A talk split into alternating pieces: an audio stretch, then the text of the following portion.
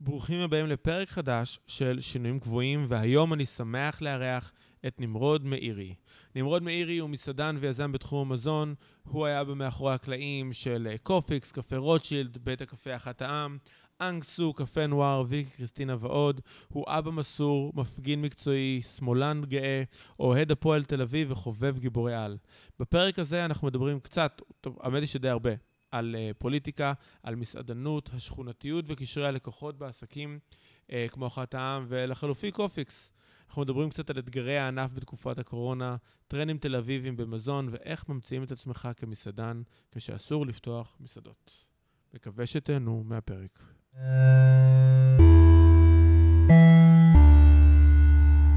איזה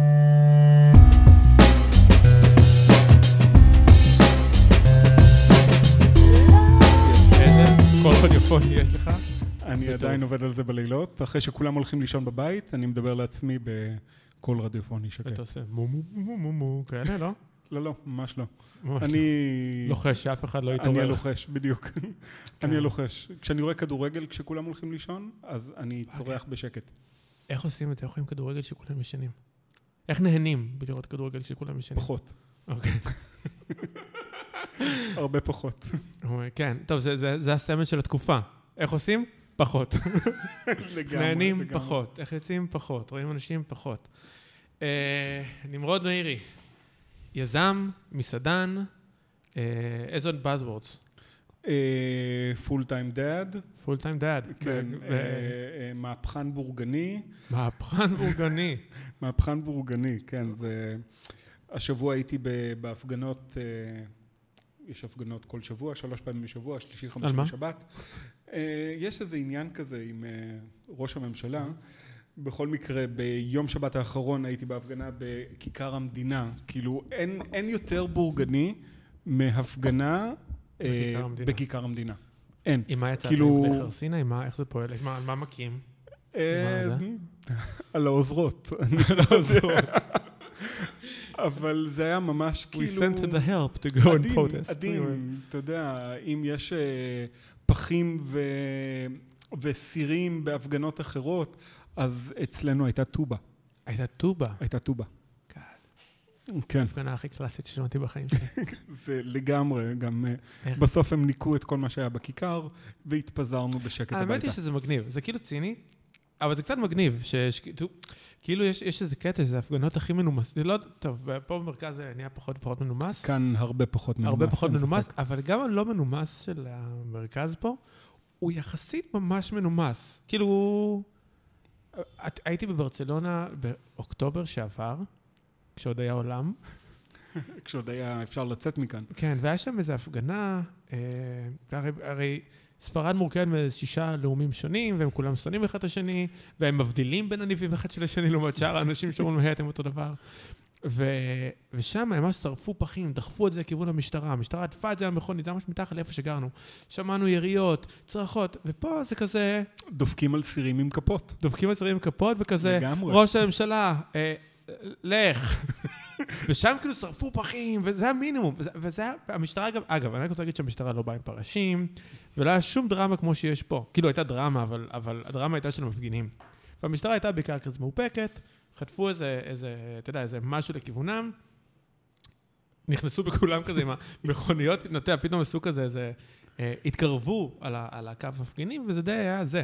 וזה פשוט קרה כמה וכמה פעמים עד שכולם הלכו הביתה. בארץ זה פשוט הפוך לחלוטין. מהמם. כי באמת הקהל, אה, הקהל שמגיע להפגנות, והייתי בהפגנות בכל רחבי תל אביב, הייתי בבלפור כמה וכמה פעמים. אה, זה, זה היה הגרסה שלך של אה, לטייל בחגים?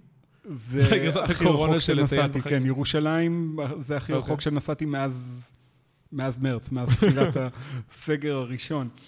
באמת, הרגיש קצת כמו חוץ לארץ, זה היה קריר בערב, זה היה כזה בערב. מעניין. באנו עם סוודר. ואתה רואה שהמפגינים מגיעים באמת הרבה יותר רפואיים ורגועים ממה שאתה רואה בהפגנות ב- בארגנטינה. אתה יודע מה, גם בניו יורק. אבל ארגנטינה, אתה יודע. שנים הם אה, מתאמנים אה, לכל הפגנה. נגעתי בנקודה. כן, אתה יודע, בארגנטינה יש לך לו"ז כזה, שיש שיש לך לו"ז איזה הפגנה יש באיזה שעה באותו יום. כי יש הפגנה כל יום, זה קורה כמה פעמים ביום, ואתה שומע יריות, אתה לא יודע אם שודדים מישהו, אם זה עוד הפגנה, אם זה התחלה של הפגנה, אבל אתה יודע שיש הפגנה מתישהו. יש הפגנה מתישהו, אם תצא החוצה ותרצה לפרוק זעמים, בדיוק. יש לך אז 2, אם- 4, 6, תבחר איזה הפגנה נוחה לך, אתה קונה כן, אני כרטיסים. עובד עד ארבע, אז אני אגיע לזאת של שש. בדיוק, ו- בדיוק, בדיוק. ולעומת רכבת ישראל זה מתקתק. 2 זה 2, 4 זה 4, 6 זה אז 6. כאן ממש. מגיעים, הקהל מגיע אה, באמת חדור מטרה, כן? תראה את הדבר הזה, אנחנו בארץ של הפגנות, אבא שלי התחיל את, אבא שלי הוא מראשוני המפגינים. וואלה.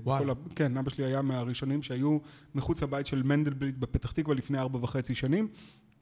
זה ארבע וחצי שנים נונסטופ, כל שבוע, הפגנה אה, סביב אותו נושא בדיוק. באמצע היו אה, שלוש, או אולי כבר ארבע מערכות בחירות, כולל זאת הקודמת של 2015, ונון סטופ, ו- והם מאוד עקביים בדבר הזה, אבל הם מגיעים אומנם משולבים, אבל אתה יודע, הפגנות של שמאלנים, בוא נקרא לזה בצורה הכי פחות כן, עדינה אבל- שאפשר.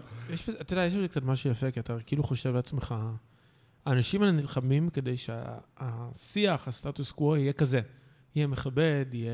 נכון. שוב, אתה יודע, אני, אני בטוח שמי שנמצא בצד השני, בין אם זה משטרה לבין אם זה, בוא נגיד, מי שלא תומך באותן דעות, כנראה שהוא, כנראה שהוא חושב שזה די פראי.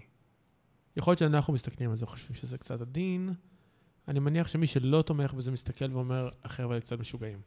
זה נורא, אני, אני לא חושב שזה, אני חושב שזה נורא קשור לנרטיב שהתקשורת מנסה להעביר הלאה.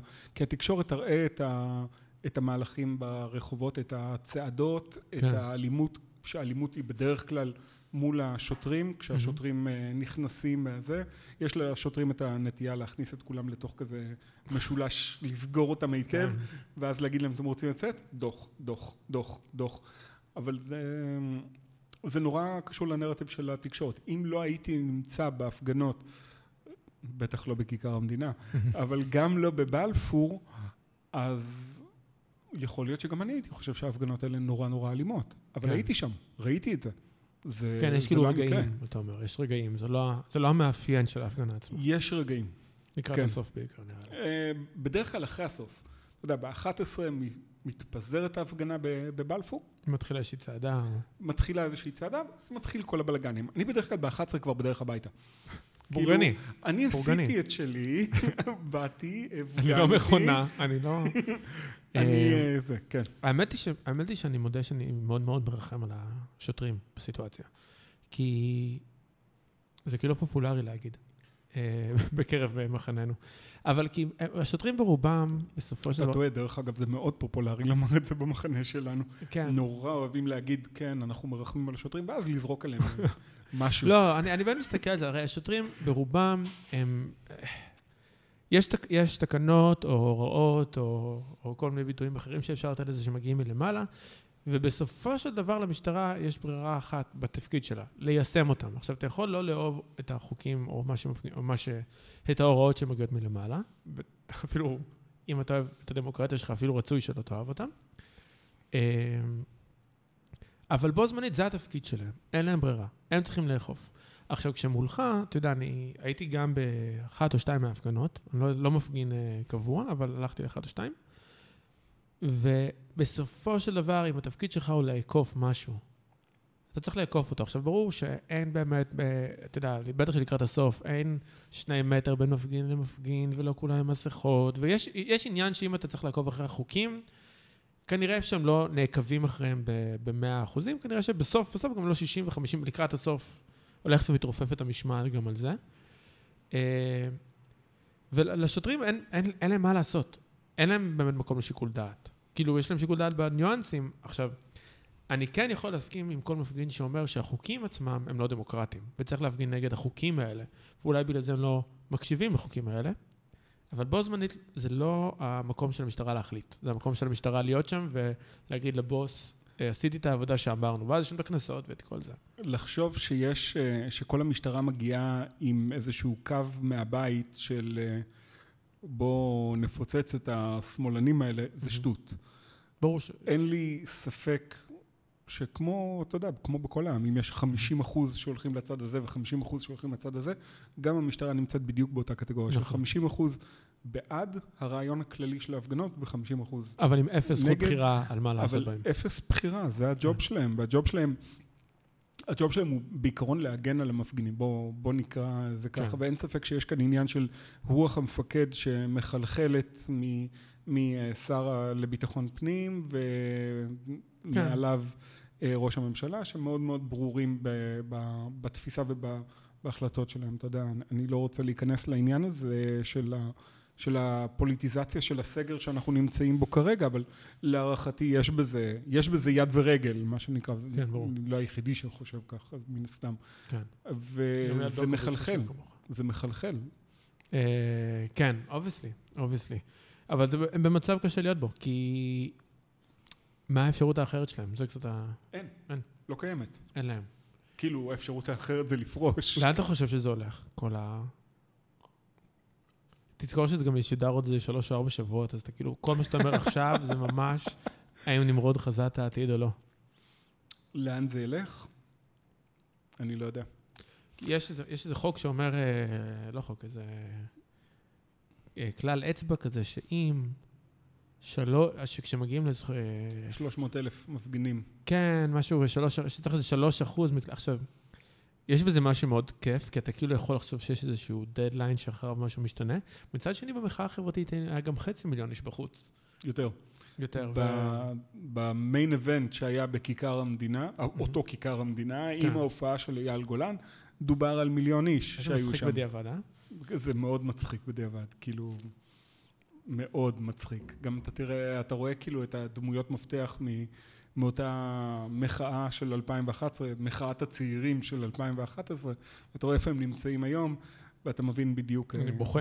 אני בוח- אני בוכה כי אני חושב שאני הייתי מהצעירים באותה הפגנה, ואני כבר לא ברשימה של אנשים צעירים. אה, וגם אין לי אף תפקיד פוליטי או מפתח בשום מקום. אה, בצורה משעשעת, כבר אז לא הייתי נחשב כצעיר. ותיק. הייתי ותיק. היית תמיד ותיק. הייתי היית צעיר ותיק. היית צעיר ותיק. הייתי ותיק בתור צעיר. כן. זה משעשע שבגילי המופלג אני עדיין מצביע בשביל אה, רוב העיר. באמת? כן, בטח. אסף. שאנחנו עוד נפתח עליו נראה לי בהמשך, כאילו, אה, כי הוא נוגע באמת כמעט לכל אספקט שעליו אנחנו הולכים לדבר היום. כן, נכון, הוא די דפק אותך שנים. סתם. אה, תראה, זה גם, אתה יודע מה, אני, אני כאילו מודה שכל שיחה על הנושא הזה, יש לי דעה מאוד מאוד, הדעה שלי מתחלפת. כי זה, זה נושא מורכב. זה נושא מורכב. עזוב שפוליטיקה תמיד זה מורכב, אבל כולם בכזאת פוזיציה משונה. כאילו, אה, יש, לי- יש לך איזו דעה נחרצת לגבי מה, מה היית רוצה שיקרה? כן. יש לי דעה מאוד בוא- נחרצת על בוא- מה ש... בוא אה, תגיד אותה. מחר, מחר שוטר. בבית. אני הולך להסביר, זה הולך להיות... אה, זה הולך לקחת. קצת זמן. אה, המחאה הזאת והמצב הפוליטי שנמצא, אה, שאנחנו נמצאים בו כרגע בארץ, אה, מביא מעין בריתות הזויות ולא צפויות, אנשים שנמצאים מחוץ לפוזיציה המקורית שלהם והטבעית שלהם ואומרים דברים. אתה יודע, ראיתי השבוע, אתמול, בואו נכניס כאילו ל... ל לפרספקטיבה של הזמן, מאחר וזה ישודר עוד אה, שלושה וארבעה שבועות, בעשירי באוקטובר. בעשירי באוקטובר, ביום שישי האחרון, היה הדו-קרב, אני מקווה שעדיין יהיה זכור בעוד שלושה ארבעה שבועות, בין אה, מירי רגב לאייל ברקוביץ'. אייל ברקוביץ' כבר לא איתנו. לא, לא. עד שנגיע לפה יכול להיות ש... וראיתי היום בטוויטר אה, שמרב מיכאלי מחזיקה שלט כולנו ברקו, נכון. משהו כזה. שזה בערך הדבר הכי הזוי בעולם, הבן אדם ידוע בתור כאילו בן אדם שתקף מינית את כן. אה, בקי גריפין, למרב מיכאלי להרים שלט כזה, זה כאילו שיא הטרלול, כן. whatever. אבל אגב, אני- sorry, אני עושה, איזה- פותח פה איזה סוגריים. כן. ותחזיר אותי אחרי זה, כי אני גרוע בלסגור אותם. כן. אמ, אני חושב שזו הנקודת חולשה הכי גדולה של השמאל. ש... שוב, אומר את זה כמצביע שמאל, שמאל מרכז אפשר להגיד. אין לנו ממש חזון. זאת אומרת, אתה עכשיו זה אייל ברקוביץ', ואחרי, קודם זה היה גנץ, אחרי זה, כאילו, כאילו עכשיו ראיתי איזה מישהו, עזוב שהתחיל הסיפור של להלך, בואי, אני לא אכנס אפילו למה אני חושב על, ה- על זה, כי... אה, אבל אז איזה מישהו אמר, מי הייתם רוצים לראות? לוסי אריש. עכשיו, אני אוהב את לוסי אריש, אני באמת מאוד מעריך אותה. אבל הקשר. בין להיות סלב אהוב לבין להיות פוליטיקאי, זה לא, כאילו, לא כל בן אדם שהוא מגניב או חמוד או אמר משפט נכון, הוא מתאים להנהיג משהו בשמאל או בזה, והשמאל הוא כאילו, הימין כבר, איזה, לא יודע, 50 שנה אוהבים את נתניהו? לא יודע, הם חזו מראש שהם יאהבו את נתניהו? לא, אבל באמת, כבר 15 שנה הם די אחידים בדעתם. נתניהו... 26. 26. אבל ברצף 15 שנה, לא? 26, ברצף זה- זה 15. אותם חבר'ה, 26. הם קיוו, גם כשזה לא היה, הם קיוו לזה חזרה. כן. אה, נתניהו, נתניהו, נתניהו, נתניהו, והשמאל, גנץ, גנץ, גנץ, לוסי אריש, אה, ברקוביץ', אה, הדמות הזאת שיש בכניסה לסינמה סיטי שאוהבים להצטלם איתה. וזה כאילו כל יומיים זה מחליפים גיבור. ויידר, הדמות הזאת. תלוי באיזה כניסה. אוקיי. למרות, שהשמאל, אם, דארת ויידר עכשיו יבוא ויריב עם רגב, כנראה שהשמאל גם יעדיף את דארת ויידר. אביגדור ליברמן. אביגדור ליברמן. איך הוא הפך להיות? בנט. אני, יודע- אני יודע, בנט לדעתי זה בועה שהולכת, לי- שתתפוצץ. הם כולם בועות שמתפוצצות. אה, ליברמן שומר על כוחו, אפילו חיזק אותו טיפונת ב- לפי הסקרים מה, מהבחירות האחרונות. ליברמן, אני רואה המון המון המון חברים שלי שהם ליברליים ב- בתפיסותיהם ו...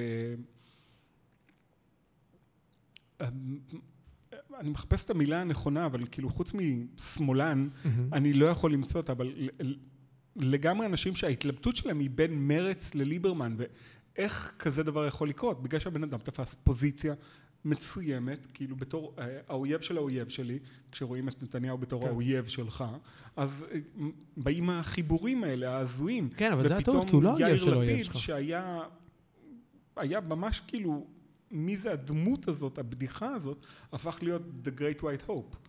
כן, אבל, אבל התוכן לא השתנה, זאת הבעיה. כי אף אחד מהם לא נהיה התקווה הגדולה, כי הם אמרו משהו.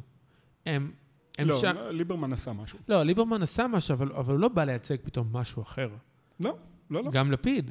אז, אבל זאת הבעיה קצת באיזשהו מקום, כי כאילו אתה אומר, אוקיי, אז אני פשוט צריך אנשים בפוזיציה. מי יכול... ו... אתה יודע, זה, זה קצת מאוד בשיווק. אם השיווק שלך הוא על הנגטיבי, קשה מאוד לזכור אותך. זה... ביבי. לא, אבל, אבל לא נכון. כן. כי, לא, ביבי, לביבי יש אה, חזון שהוא בא ואומר, אני רוצה שנהיה מדינה טה טה טה טה טה טה טה. עכשיו, האם הוא עושה מה שהוא אומר, האם זה פועל לטובה, האם זה לרע, האם, האם אני אוהב את החזון, כנראה שהתשובה לכולם היא לא.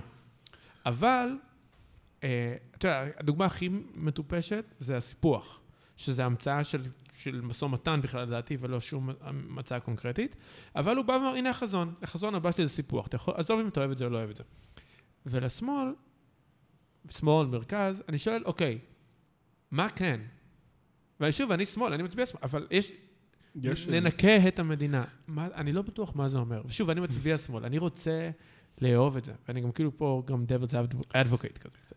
אני קראתי השבוע, אני אסביר למה קראתי השבוע הזה, אני מאוד מאוד חזק בטוויטר לאחרונה, כי לצערי 280 תווים זה המקסימום מבחינת הקפסיטי שלי לקרוא, בזמן שהילדים קופצים עליי כשאנחנו בבית.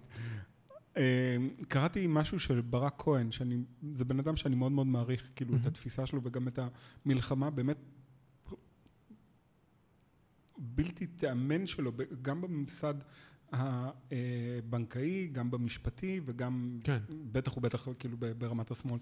והוא אומר שהשמאל מתחלק לשתיים והוא צריך לבחור כאילו לאיפה הוא הולך. יש את אלה שמאמינים שברגע שנתניהו ילך, הכל יהיה בסדר. ויש כאלה שאומרים שלהוריד את נתניהו מכס ראשות הממשלה זה רק ההתחלה. כי הסדר הלאומי החדש צריך לרדת גם אה, לכנסת ולרשות ה... אה, ברור. לרשות המבצעת, לרשות המחוקקת, לבנקים, לכל התפיסה של המדינה הזאת שפשוט גדלה עקום. עכשיו, ברק כהן אומר מה שהפנתרים השחורים אמרו לפני 40 שנה, 45 שנה, מהמם. אפילו 50 שנה. אומר את אותו דבר, רק שהם. היו בימין אז. כן. הוא נשאר באותו מקום. אז הספקטרום שלנו, של איפה ימין ואיפה שמאל. זז והתרוצץ all over the place. אני, לדעתי, אני בגישה שלו. צריך לשנות את הכל ברור, מהיסוד. ברור, אבל, אבל יש יום אחרי. אתה יודע מה, אפילו הייתי יכול... יום אחרי מה? יום י- אחרי מה? יום אחרי נתניהו? יום אחרי נתניהו. סטפ 1. לדעתי, מה שצריך לקרות יום אחרי נתניהו זה ממשלת חירום, עזוב קורונה, בדיחה, כן. כן? כאילו, כן, ממשלת הממשלת חירום של קורונה זה לא... של חירום. קורונה היא בדיחה לכל דבר, זה ממשלת חירום לנו, כן. להסתכל פנימה. כי ישראל תמיד בתור מדינה קטנה מוקפת אויבים, זה הנרטיב שגדלנו עליו מגיל אפס, מהמם. תמיד הסתכלו כאילו החוצה והגדירו, אנחנו הגדרנו את עצמנו, אני חוזר כן. לאנחנו ולא הם, אנחנו הגדרנו בוא, את בואי. עצמנו כלפי מה שקורה בחוץ, יש לנו אויבים מכל מקום, אנחנו הצבא הטוב ביותר בעולם, אנחנו אומת סייבר, אה, start-up nation, תמיד הגדרנו את עצמנו כלפי מה שקורה כן. מחוץ לגבולות וזה גרם לפילוג ושיסוע ו... אתה חושב שזה הגרעין? זה מה שגרם לזה? אני חושב חושב שמישהו שבזמן- בגלל... אה, שבזמן שהתעסקנו בכל מה שקורה מסביב, מה שקרה כאן זה שאנשים בעלי, אה, אה, בוא נגיד, מוסר נחות, השתלטו על עמדות מפתח, ועשו- מוסר אלטרנטיבי. מוסר אלטרנטיבי, והשתלטו על, אה, על עמדות כוח ועושים את זה ל- לביתם. כן. ועושים לגמרי לביתם על חשבוננו. אני לא חושב שזה עניין שהריב כאילו ביני לבין הביביסט ה- הגדול ביותר הוא, הוא לא ריב שבאמת קיים. הוא לא נכון, אמיתי. נכון. נכון, אני אתה מסכים. יודע, אני, אני בתור בן אדם שלוקח תמיד דברים בפרספקטיבה של ספורט, מהמם. כאילו, אתה יודע, מכבי והפועל זה כאילו היריבויות האלו, העירוניות, הפסיכיות. כן, אבל בסוף אתה לוחץ ידיים. מה לוחץ ידיים? כמה מחבריי הטובים ביותר אוהדי מכבי. אני כאילו אוהד הפועל. זה בסדר. כאילו, כן, כן, זה- חברים, אז בסדר, אז אנחנו לא מסכימים על כדורגל. נו. אני חושב, אני חושב שהסוף יתחיל להגיע ברגע שהמפגינים, אה, במקום להגיד לביבי לך, יגידו גדעון סער בו. יכול להיות. כי א', כי זה סימן של אהבה לליכוד, דבר ראשון. אתה עדיין, כאילו זה לא, אתה לא מעליב את הליכודניקים בזה, אתה לא רב נגד מישהו אחר. שתיים, גדעון סער הוא אלטרנטיבה מאוד מאוד ראויה בעיניי, ואני לא ליכודניק ולא... לא בעיניי, לא, אבל אה, אין ספק שהוא יותר נקי כפיים. הדיון שלי עם גדעון סער הוא עקרוני לגבי לאן המדינה צריכה ללכת, אבל אני מאמין בניקיון כפיו. תקשיב, אני, אני חושב שההבדל הבאמת גדול הוא, אין לי בעיה, אני מעדיף שלא, אבל אין לי בעיה שנבחר הציבור, ראש הממשלה שלנו, אה, יהיה מישהו שלא אני בחרתי בו, או שיהיה מישהו שאני לא בהכרח מסכים עם החזון שלו. אתה כן צריך להסכים, או, או משבר האמון שנוצר, זה כי אנחנו לא מאמינים, זה לא כי אנחנו אומרים אנחנו לא אוהבים את הכיוון המדיני-פוליטי של ביבי. זה לא המחאה, המחאה היא נגד השחיתות, המחאה היא נגד החוסר אמון, היא נגד הפילוג, היא נגד השיסוע. אז יש הבדל מאוד גדול בין, לה, בין להגיד יש אה, ראש ממשלה שהוא לא מהמחנה הפוליטי שלי, לבין ראש ממשלה שאני חושב שעושה רע למדינה שלי, או רע לאנשים. ואז גדעון סער, בעיניי, הוא לא בהכרח מייצג את כל הדעות הפוליטיות שלי, או את הפנטזיות הפוליטיות שלי, אבל אני, ממה שאני מכיר, אתה יודע, אנחנו ב-2020, אני לא יודע מה יצוץ מחר, אה, או מה צץ בין עכשיו לעוד ארבע שבועות שהפרק הזה יוצא. אה, אבל אתה יכול להגיד, אוקיי, אני לא מסכים איתו, אבל הדרך שלו היא, היא, דרך שאני יכול אה, להסכים איתה. זה כמו גנץ, אגב, לפני, לפני שהוא ירה בעצמו פוליטית. ירה לעצמו ברגל, בגב, בכל מקום אפשרי. אגב, אולי זה עדיין נגלה שזה חריקירי כזה, אתה יודע, אולי הוא, הוא עשה את זה ב... אנחנו נחזור לגנץ. נסגור את כי הסוגריים. זה מתקשר עוד פעם לזה. אוקיי. אה, אבל אני רוצה להגיד לגבי זה, כשאתה מגיע לראשות ממשלה, איך שאני רואה את זה ממרום שנותיי, ואתה יודע, אני עוד הספקתי להצביע לרבין ב-92, אני עד כדי אתה כך כמו זקן. היפסטר של פוליטיקאים. כן, אתה יודע, הייתי סיפור ביניים קטן, עוד אה, זה, זה סוגריים, סבא שלי היה ממפלגת העבודה, היה כאילו בחר במפלגת העבודה, הוא הקים את הסתדרות הגמלאים, וואו. כאילו היה בין מקימי הסתדרות הגמלאים, וכיהן בתור יושב ראש מחוז תל אביב בהסתדרות הגמלאים עד חודש לפני שהוא נפטר, בגיל 96.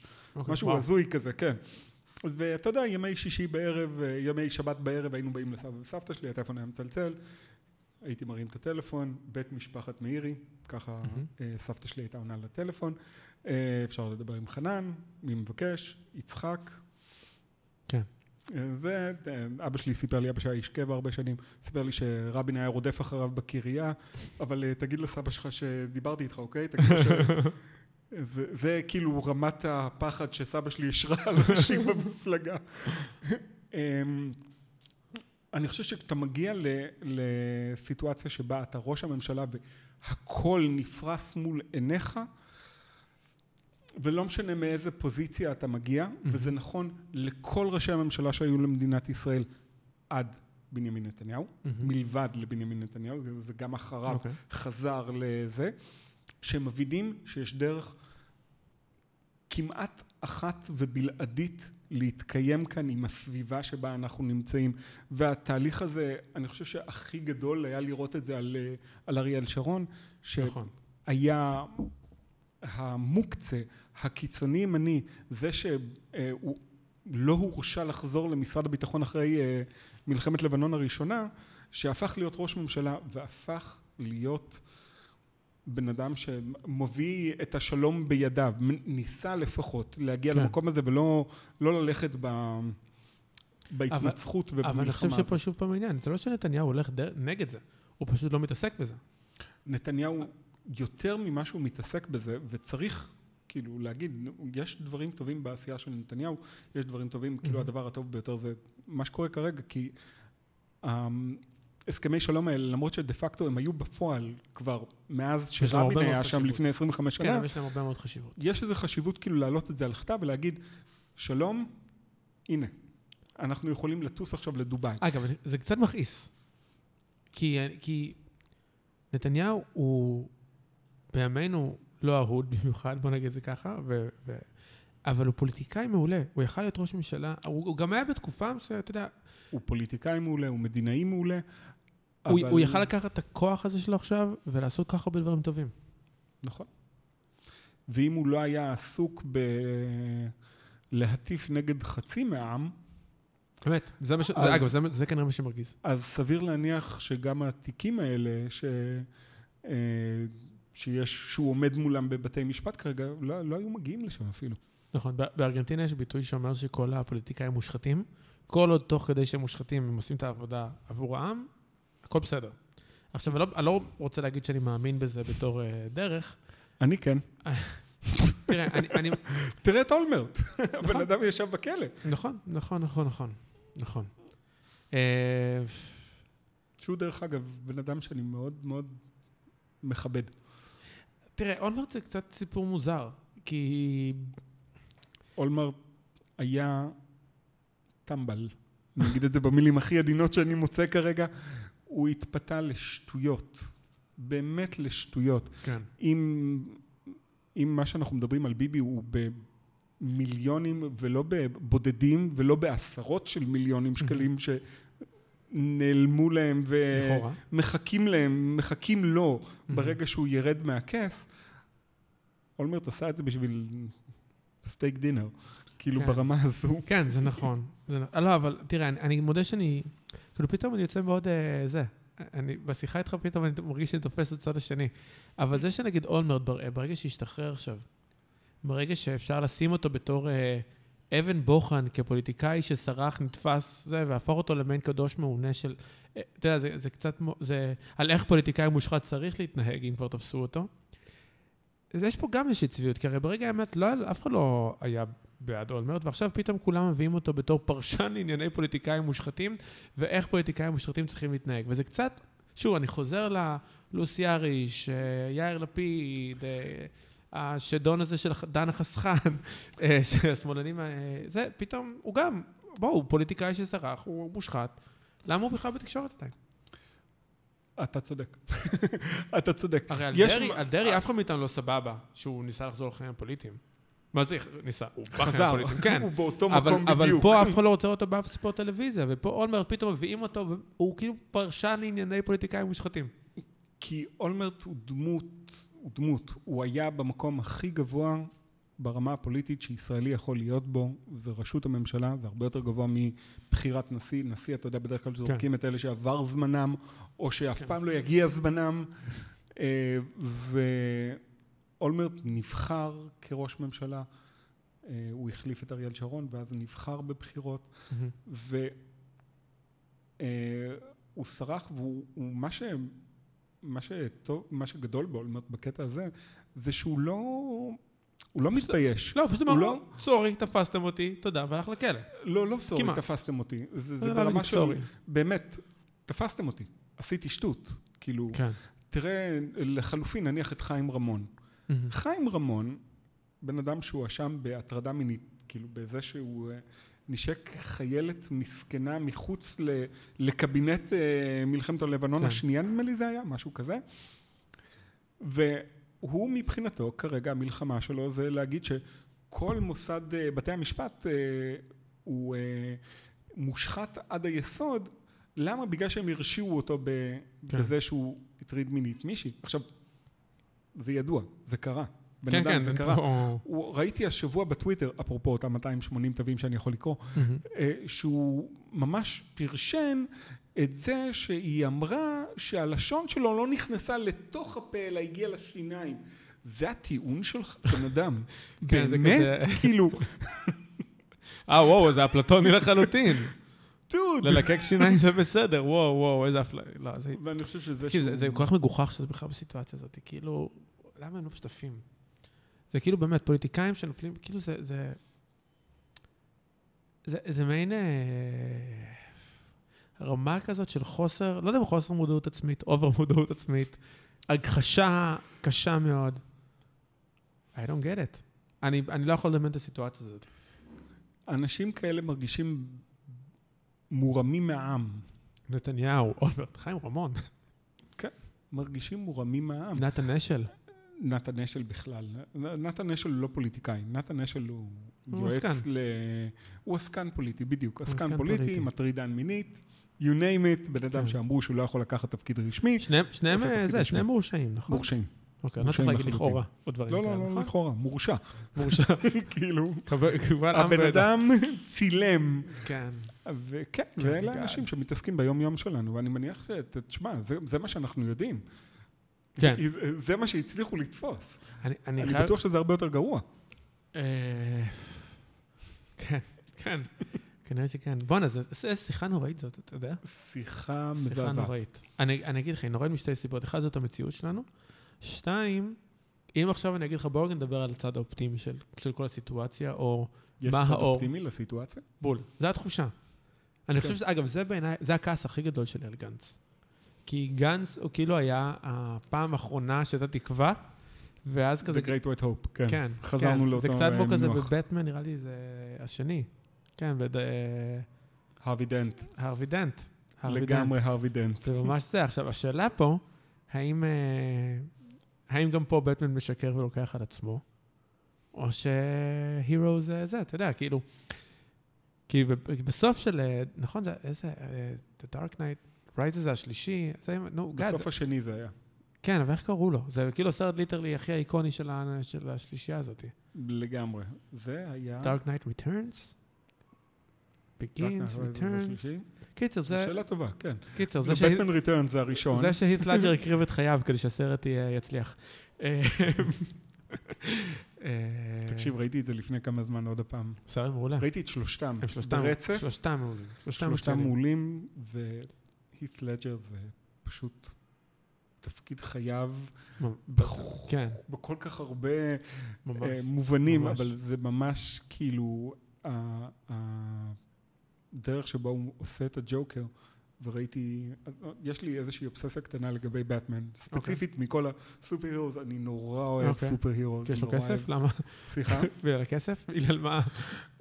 לא, נורא אוהב את זה, באמת, באמת נורא אוהב את זה, גם את כל ה... את בטמן ספציפית. את בטמן ספציפית, כן. ועברתי וראיתי את כל גות'ם, את כל החמש עונות, ראיתי את זה באיזה חודש. אשכרה. כן, את כל החמש עונות, זה היה קשה. היא לא סדרה טובה. היו זמנים קשים, ו- קטעים כן. קשים יותר, קטעים קשים פחות. היא לא סדרה טובה. לא, לא. לא, לא, לא יודע אם אני מסכים איתך, אני דווקא... אני גם לא- נראה שאתה ממש לא מסכים. לא לגמרי. תשמע, יש שם הרבה דברים שהם כאילו יותר מדי אה, מלודרמטיים, סופ אופרס וכאלה, כן. וההתמקדות היא בעיקר בג'ים גורדון, שהיא דמות משנית בכל העולם הזה כן. של בטמן, אבל זה נותן איזושהי פרספקטיבה שונה על בטמן, וישר אחרי שסיימתי את החמש עונות, התחלתי לראות את הסרטים, כאילו את אחד, שתיים, שלוש, Mm. עוד הפעם את, אה, הבטמנים האלו. יש עכשיו עוד סדרה חדשה. סליחה? יש עכשיו עוד סדרה חדשה, של ברוס וויין הצעיר נראה לי. כן? אמ, איך קוראים לזה? יש חלק מה Arrowverse, יש את Batgirl, שאת זה עדיין לא ראיתי. לא, אז יש את זה... לא, א', יש- את Titans, נראה לי. כן. שהיא לא רעה בכלל. את זה עדיין לא ראיתי. אוקיי, דווקא לא רעה בכלל. הוא שם? הוא מופיע, יש שם איזה עניין איתו, נגיד את זה ככה. אוקיי. הוא לא מככב, אבל יש שם איזה עניין איתו. אמ, אני חושב שבעיקר זה פרשנות או הטייק אוף הכי טוב שראיתי עד עכשיו על רובין, בגרסה שהיא לא קומיקסית.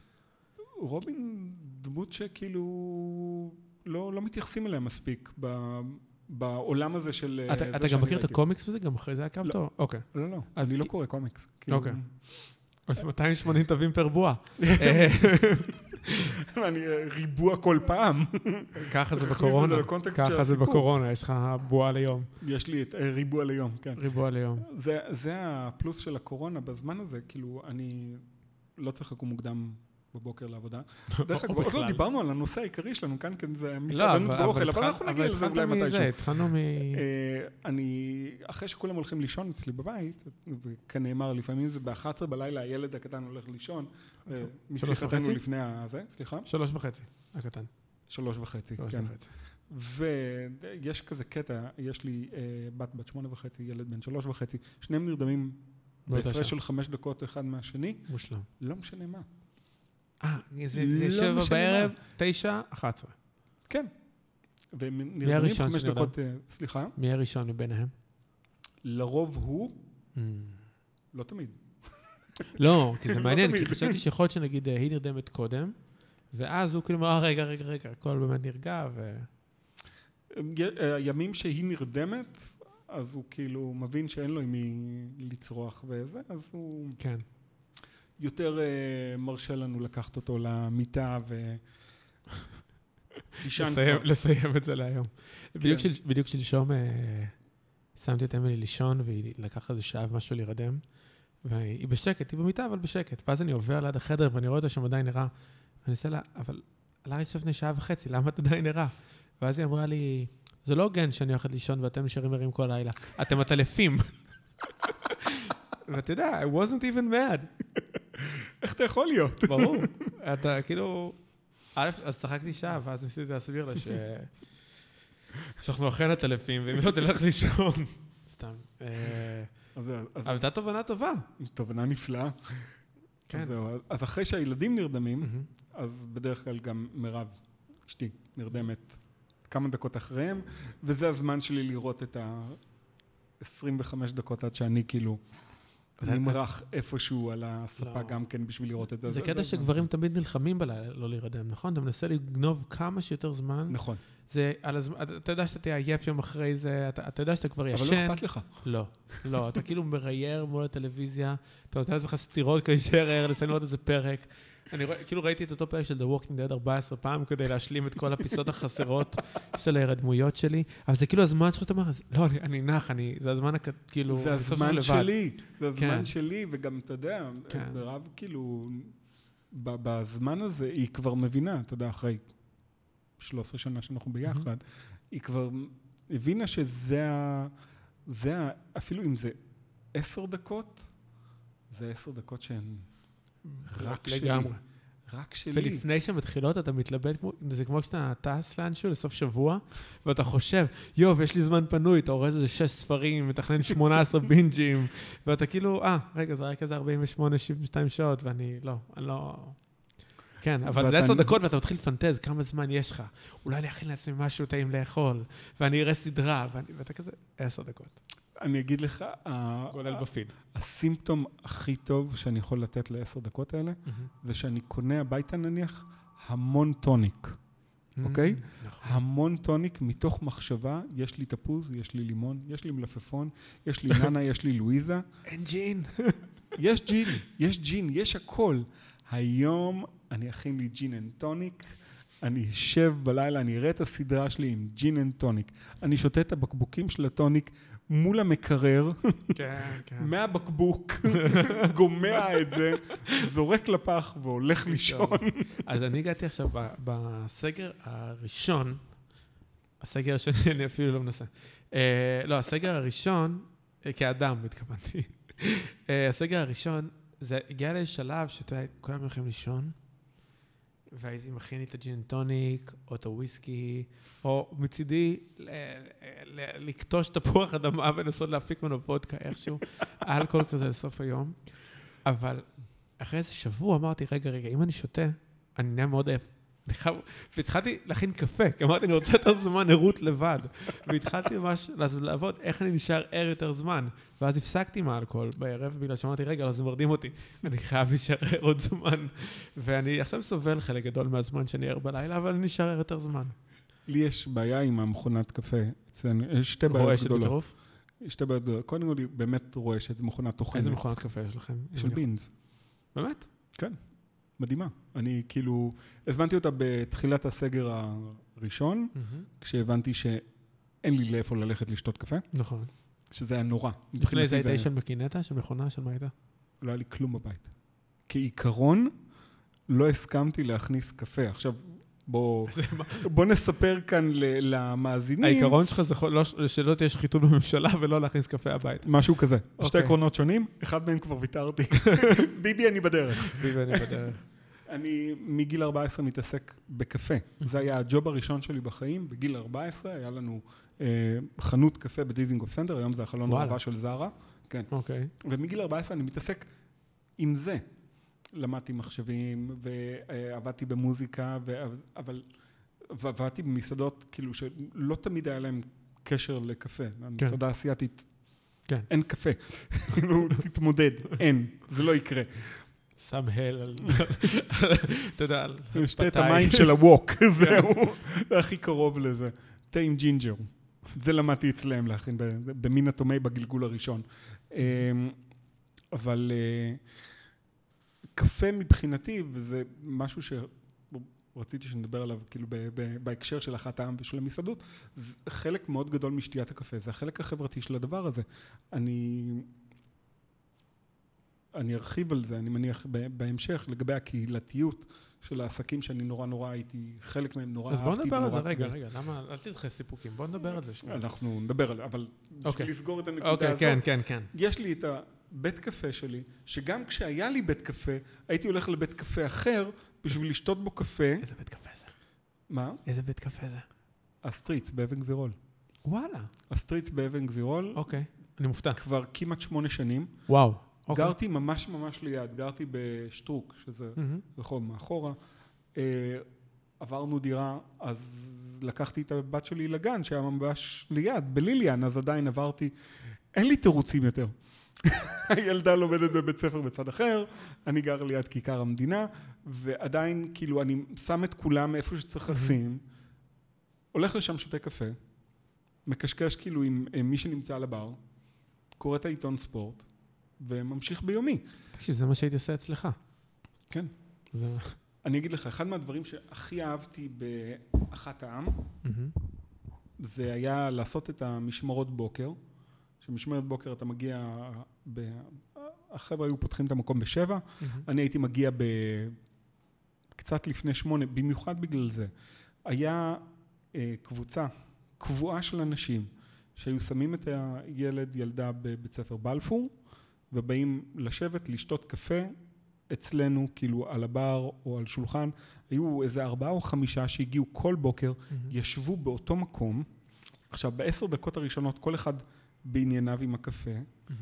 ואז אה, אה, ברק רום, אם אתה זוכר, הוא גר מעבר לכביש, נכון. יחצן מאוד ידוע, נכון. אה, כתב עכשיו ספר על אה, מכבי חיפה, אבא שלו היה שחקן ידוע במכבי חיפה אוקיי. בכדורגל. היה אומר משהו כמו, אז אה, ראית את המשחק אתמול? ואז כל החמישה מסתובבים כאילו למרכז ומתחילים לדבר על, אה, כן. על, או על ספורט, כאילו זה תמיד היה מתחיל מספורט, אבל זה היה מתגלגל תמיד לשיחה על כל מה שקורה בעולם, וזה אותם חמישה אנשים שאין להם שום קשר, ואני יכול להבטיח לך שאם היו רואים אחד את השני ברחוב, לא ליד אחת העם, לא היו מזהים, לא היו מדברים, לא היו כלום. מזהים, לא היו אומרים שלום, לא היו, כאילו, אתה יודע, ברמה של הוא נראה לי מוכר.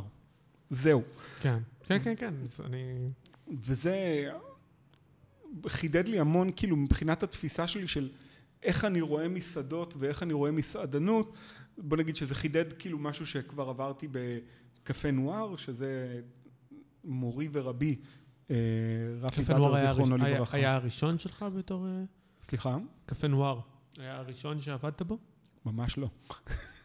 תן לי, יש לך רקורד ארוך של הדברים האלה. יש לי רקורד ארוך. אם נעשה כאילו על רגל אחת, אז בגיל 14 התחלתי לעבוד בבתי קפה. הפעלנו את אותו coffee shop ידוע, קאלי קפה, ככה הוא נקרא. בדיזינגוף סנטר, היום חלון הראווה של אה, זרה, עד היום. הם אלה שבעצם קנו אותנו החוצה, היינו אמורים לעבור לתוך המשביר לצרכן, לא, לא, אוקיי. לא קרה. אה, עבדתי ביוטבתה בעיר המון המון זמן, בתור. אה, בתור מנהל משמרת ואחרי זה מנהל סניף. אוקיי. היה לי בר, מהמם. אה, הברומטר, זה בר וואלה. מיתולוגי שהיה קיים 25 שנה, וואו, take, כן? נכון.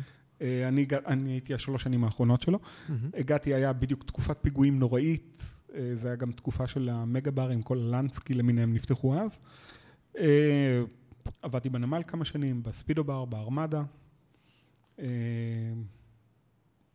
וואו, באמת עשיתי הרבה. עשית הרבה. עבדתי בכרמלה בנחלה. עבדתי ברפאל, במינה תומי הייתי הרבה זמן, עד שהמסעדה נסגרה. אה, היה, מינה תומי היו אה, קומפלקס של ארבע מסעדות, זה היה שתי מינה תומי ושתי אודאון. מהמם. התחיל שם איזשהו מגדל קלפים עם אה, מעילה שהייתה באחת מהמסעדות, והמסעדה האחרונה שנסגרה הייתה שלי, מהמם. כאילו המינה תומי.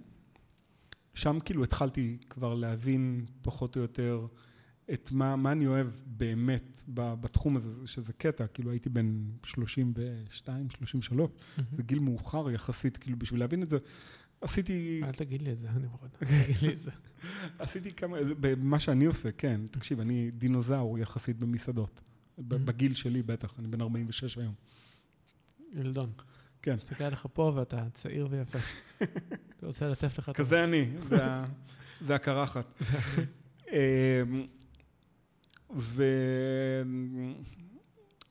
ובנדיקט, לכמה חודשים מהבנדיקט הם משכו אותי, החבר'ה של בנדיקט, לעשות את ההקמה של הוויקי קריסטינה, שזה באמת אחד מהדברים הכי גדולים שעשיתי עד היום. מסעדה ענקית בגודל. אה, גם במוניטין. כל המקומות האלה הם. מקומות, אגב, שמאוד מאוד אוהבים. כן. ומשם הגעתי לקפה נואר.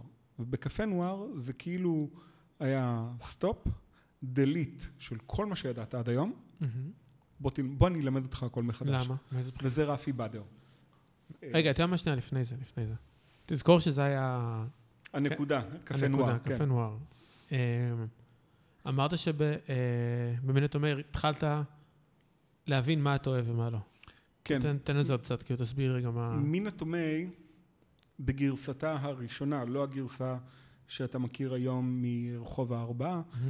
הייתה מסעדה חתרנית, ממש. אה, המוזיקה שם הייתה מותאמת ליום, מותאמת לשעות. זו אחת מהראשונות כאילו שבהם לא היה נגיעה למה שקורה כאילו במוזיקה, לצוות במקום לא היה נגיעה. זה הייתה היה חלק מהקונספט. חלק מהקונספט של המקום, התאורה הייתה משתנה בהתאם לשעות היום, הווליום היה משתנה בהתאם, לא הייתה לך נגיעה בזה בכלל, וזה זה הקונספט של המקום. שולחנות שיירינג מאוד מאוד ארוכים, שאתה יושב אחד עם השני, והיו המון לקוחות שהיו חוזרים פעם ביומיים, פעם וואו. בשלושה ימים. עכשיו, זה משהו שלא הכרתי. זה משהו שלא הכרתי, כי עבדתי המון במקומות, אתה יודע, במפלצות כמו אה, יוטבתה בעיר, שיש לך 400 איש ועוד 100 איש שמחכים בחוץ. נגיד על הסילבסטר של שנת 2001, אז עמדו לי ב-4 בבוקר מסעדה מלאה לחלוטין, יוטבתה 400 בעיר. איש. 100, 150 איש שעומדים בחוץ, ואנחנו יוצאים אליהם ואומרים, תקשיבו, חבר'ה, לכו הביתה, לא יהיה לכם אוכל היום. לא יהיה, זה מצחיק, נגמר. אף פעם לא הייתי- לא הייתי מדמיין את יוטבתה בעיר בתור איזה... או, זה היה... אבל יכול להיות שאני גם- יכול להיות שאני גם צעיר. אתה צעיר. לא, זה היה המקום באמת הכי מטורף שיכול להיות. זה היה טירונות. מהמם. במסעדנות בשבילי. זה, אתה יודע, אתה מגיע ביום שבת במשמרת שמתחילה בשבע בבוקר ונגמרת בעשר בלילה. וזה טבעי. השיא שלי שם היה משמרת של 19 שעות. כי, כי צריך, כי, אתה יודע, הייתי משבץ, מטורף. באיזשהו שלב התחלתי לשבץ את המלצרים, כאילו אחד מהדברים שעשיתי במקום, בתור מנהל משמרת, אז אתה משבץ 60 מלצריות במשמרת. 60. 60 כן. במשמרת אחת. זה מלא וזה חל"תים מחולק, בימינו. יש לך מנהל משמרת, שמתחתיו יש חמישה מנהלי קומה, שזה חמישה אזורים שונים במסעדה, וזה משהו כאילו הזוי, כמות זה האנשים כמו חידה שעברה שם. מתמטית כבר כמעט. כן. זה כאילו צריך אלגוריתם כבר כדי לחשוב על הדבר לגמרי. זה הסודוקו זה הזה. לעשות. שיבוץ מלצריות. בוא נגיד שב... אוקיי, סבבה, באיזשהו שלב קיבלתי מלצריות שהיו מוכנות רק להגיד לי, שים אותי השבוע, ופחות אה, כאלה של אה, אני לומדת ביום הזה ואני לא יכולה ביום הזה, כאילו, כי אתה לא יכול, אתה לא יכול בכזאת כמות של, אה, של מלצריות להתעסק ב, ב, בשיבוצים זה- כאלה זה מסובכים. תפקיד קשה. כאילו, כמנהל, הרי מלצרות זה מעין, בארץ זה עבודה שהיא זמנית, כביכול, או לתקופת הלימודים, או לתקופת הזה. זה משהו, נראה לי שהוא נתפס כדיספוזיבול לשני הצדדים קצת. אולי אני טועה, אגב, אין לי שום מושג. לא עבדתי כמלצר ולא ניהלתי מלצרים. התחושה שלי מהצד תמיד הייתה שמלצרים מסתכלים ואומרים, אוקיי, כל מה שברדיוס שלי אני יכול לעבוד בזה, לא משנה אם אני פה, פה, פה, פה. והרגשתי שלרוב, למנה... אולי למנהל משמרת או למנהלים, זה גם, יש איזשהו צוות שהוא מאוד הדוק, שהוא קור, שהוא, אה, נקרא לזה, האיכותי מבין הצוות השלם, no, not naming names, ומסביב תמיד יהיו כאלה שידעת שיבואו וילכו, והם... תמיד. היכולת שלך כמנהל להגדיל את הקור ולצמצם את השוליים, זה היכולת, ש... זה כאילו מה שמבדיל אותך בין עוד מישהו שעובד בענף לבין מנהל טוב בענף. כן. אם בוויקי קריסטינה יש צוות שאני גייסתי, שהם אה, נשארו שמונה שנים במקום, ואחד, ברמן שאני גייסתי היום הוא אחד מהשותפים במקום, הוא עדיין עובד שם. אשכרה, כן, עד היום. זה היה לפני עשר שנים. אשכרה. לפני עשר שנים. ביוני זה יהיה 11. וזאת אומרת שיש שם מישהו שבעצם התחיל לפני עשר שנים, 11 שנים, והיום כבר שותף. הוא שם. היום שותף, מנהל המקום בפועל. איזה מדהים זה. כן, וזה, אתה יודע, כשאני מסתכל על אה, הצלחות שלי בגיוסים, והצלחות שלי, סליחה, והצלחות שלי במסעדות, אז אני סופר את הדברים האלו, בדיוק את הדברים האלו. ובהמשך למה שאתה אמרת, וזה משהו שאני רואה אותו כרגע, אני רואה את זה עכשיו כאילו בתקופת הסגרים, בתקופת מהמם. הקורונה, שאני אני לא בטוח מהמם, איך אה, הענף הזה יחזור ממנה, בכלל, זה שלא רק המלצרים הופכים להיות דיספוזיבל, כאילו לכולם כמעט, גם לטבחים, שזה, אתה יודע, מבחינתי היה הכי הזוי, זה אנשים ש... כאילו זה מקצוע, זה מקצוע אמיתי. מהמם. יש תאריך תפוגה, והרבה הרבה, הרוב המוחלט, בתחילת שנות ה-30, זה כאילו, טוב, תודה. ביי. בגלל הקורונה או בכללי? הקורונה חיזקה את זה עוד יותר. כי הקורונה סגרה את, אה, את העולם, את עולם המסעדנות ועולם האירוח כמו שאנחנו מכירים, כמו שאני אוהב, דרך אגב, כאילו כן. העניין הזה של הקהילתיות שעליו התחלנו לדבר, אז הדבר הזה ספג את המכה הכי קשה, כי כל תרבות האוכל, כל תרבות המסעדנות, מהמם. קיבלה את המכה כאן. את ההתקהלות של הקהילתיות, זה הדבר שאותו אתה צריך לפרק בעצם. כן, כי הרי קפה, בוא נגיד שיש הרבה מקומות שהם, נקרא לזה מאוד פופולריים או חזקים, והקפה שלהם הוא לא מדהים. זאת אומרת, הקפה עצמו הוא, הוא סתם קפה, בוא נגיד את זה ככה. אבל הקהל שהם הצליחו למשוך, הקהילה שהם בנו סביב זה, אתה יודע, יש... אה, אני רגע, אנחנו נעשה כזה קפיצות. אז הפודקאסט הזה לא עומד מסודר נמרוד. אני יודע שבאת וקיווית שיש היררכיה או סדר, אבל... אה, עכשיו מדברים על נושא מספר אחד. כן, כן, כן, זה לא, לא, לא לא. פועל פה ככה. ככל שהבירה עוברת זה אפילו פחות. אה, עוד רגע מתחילים לשיר פה שירים אה. לא, אבל תראה, אחד הדברים, וכאילו אני מרגיש שזה נושא בפני עצמו, אחת העם זה נושא בפני עצמו, כי זה... אני, אני חושב שזה כאילו זה קצת כמו, אה, כמו אה, מחזור בבית ספר כזה. כי אתה עד היום, עד היום, אתה מסתובב ברחוב בתל אביב, ואתה רואה כל מיני אנשים, ואתה מכיר אותם מאחת העם. אתה יודע, יש אה, מישהו שנהיה חבר מאוד קרוב שלי לאחרונה, נגיד אה, יניב, ש- אה, אני אפילו לא יודע את השם המשפחה שלו, ורוצ'יק, רוטשיק, שיש לו את, ה, את הכלב החמוד הקטן, שכל הזמן היה נובח עליי. שכל הזמן היה נובח ויושב שם על הכיסא, נכון? נכון. אתה יודע, ויש, פגשתי שם את יניב, פגשתי שם את אה, גילי מוסינזון, הכרתי שעבד אצלכם תקופה. כושל בן כושל. לא, תראה, אני לא יודע, אני לא יודע. אני, חושב ש... אני חולה עליו. אני פוחד מהמשטרה. סתם. אה, לא, אבל את גילי מוסינזון הכרתי שם, את אפרת גוש הכרתי שם. הכרתי שם, אה, אתה יודע, את גיל בן ארצי, שהוא המייסד של אפווסט, שזה, את אה, אילון תירוש. יש כל כך הרבה אנשים שהקר... שאני חייב את הקריירה שלי, או החיים החברתיים שלי למקום הזה, ועברו שש שנים. עברו שש שנים. שש שנים, חמש שנים, שש שנים. אה, חלק מהתמונ- מהצילומי חתונה שלי היו שם. נכון. כאילו, צילומי חתונה, וגם בתערוכת יום הזיכרון שעשינו בסוף נכון. הזה, אז תלינו את צילומי החתונה שלך על הלוח שם. אתה מבין? לקחתי את האינסטגרם של המקום ופיתחתי תמונות מהאינסטגרם, יואו. שאנשים תיגעו את המקום. יש לי כוס, וזה. יש לי כוס בבית. יש לך עדיין את יש לי את הכוס? הכוס אספרסו, כן. יפה, אה, נשארו לי חמש אחרונות. חמש אחרונות, ממש בזזת את המקום. קופסה אחת. צודק, אבל אחת צודק. נשברה לי. for the record, זה פשוט קטן מדי בשביל האספרסו הארוך שאני שותה בבינס, אז הן יושבות בארון, ובגלל זה הן לא נשברות עדיין. אה, כאילו זה... אתה יודע, יש... אני, אני אומר את זה רגע ב...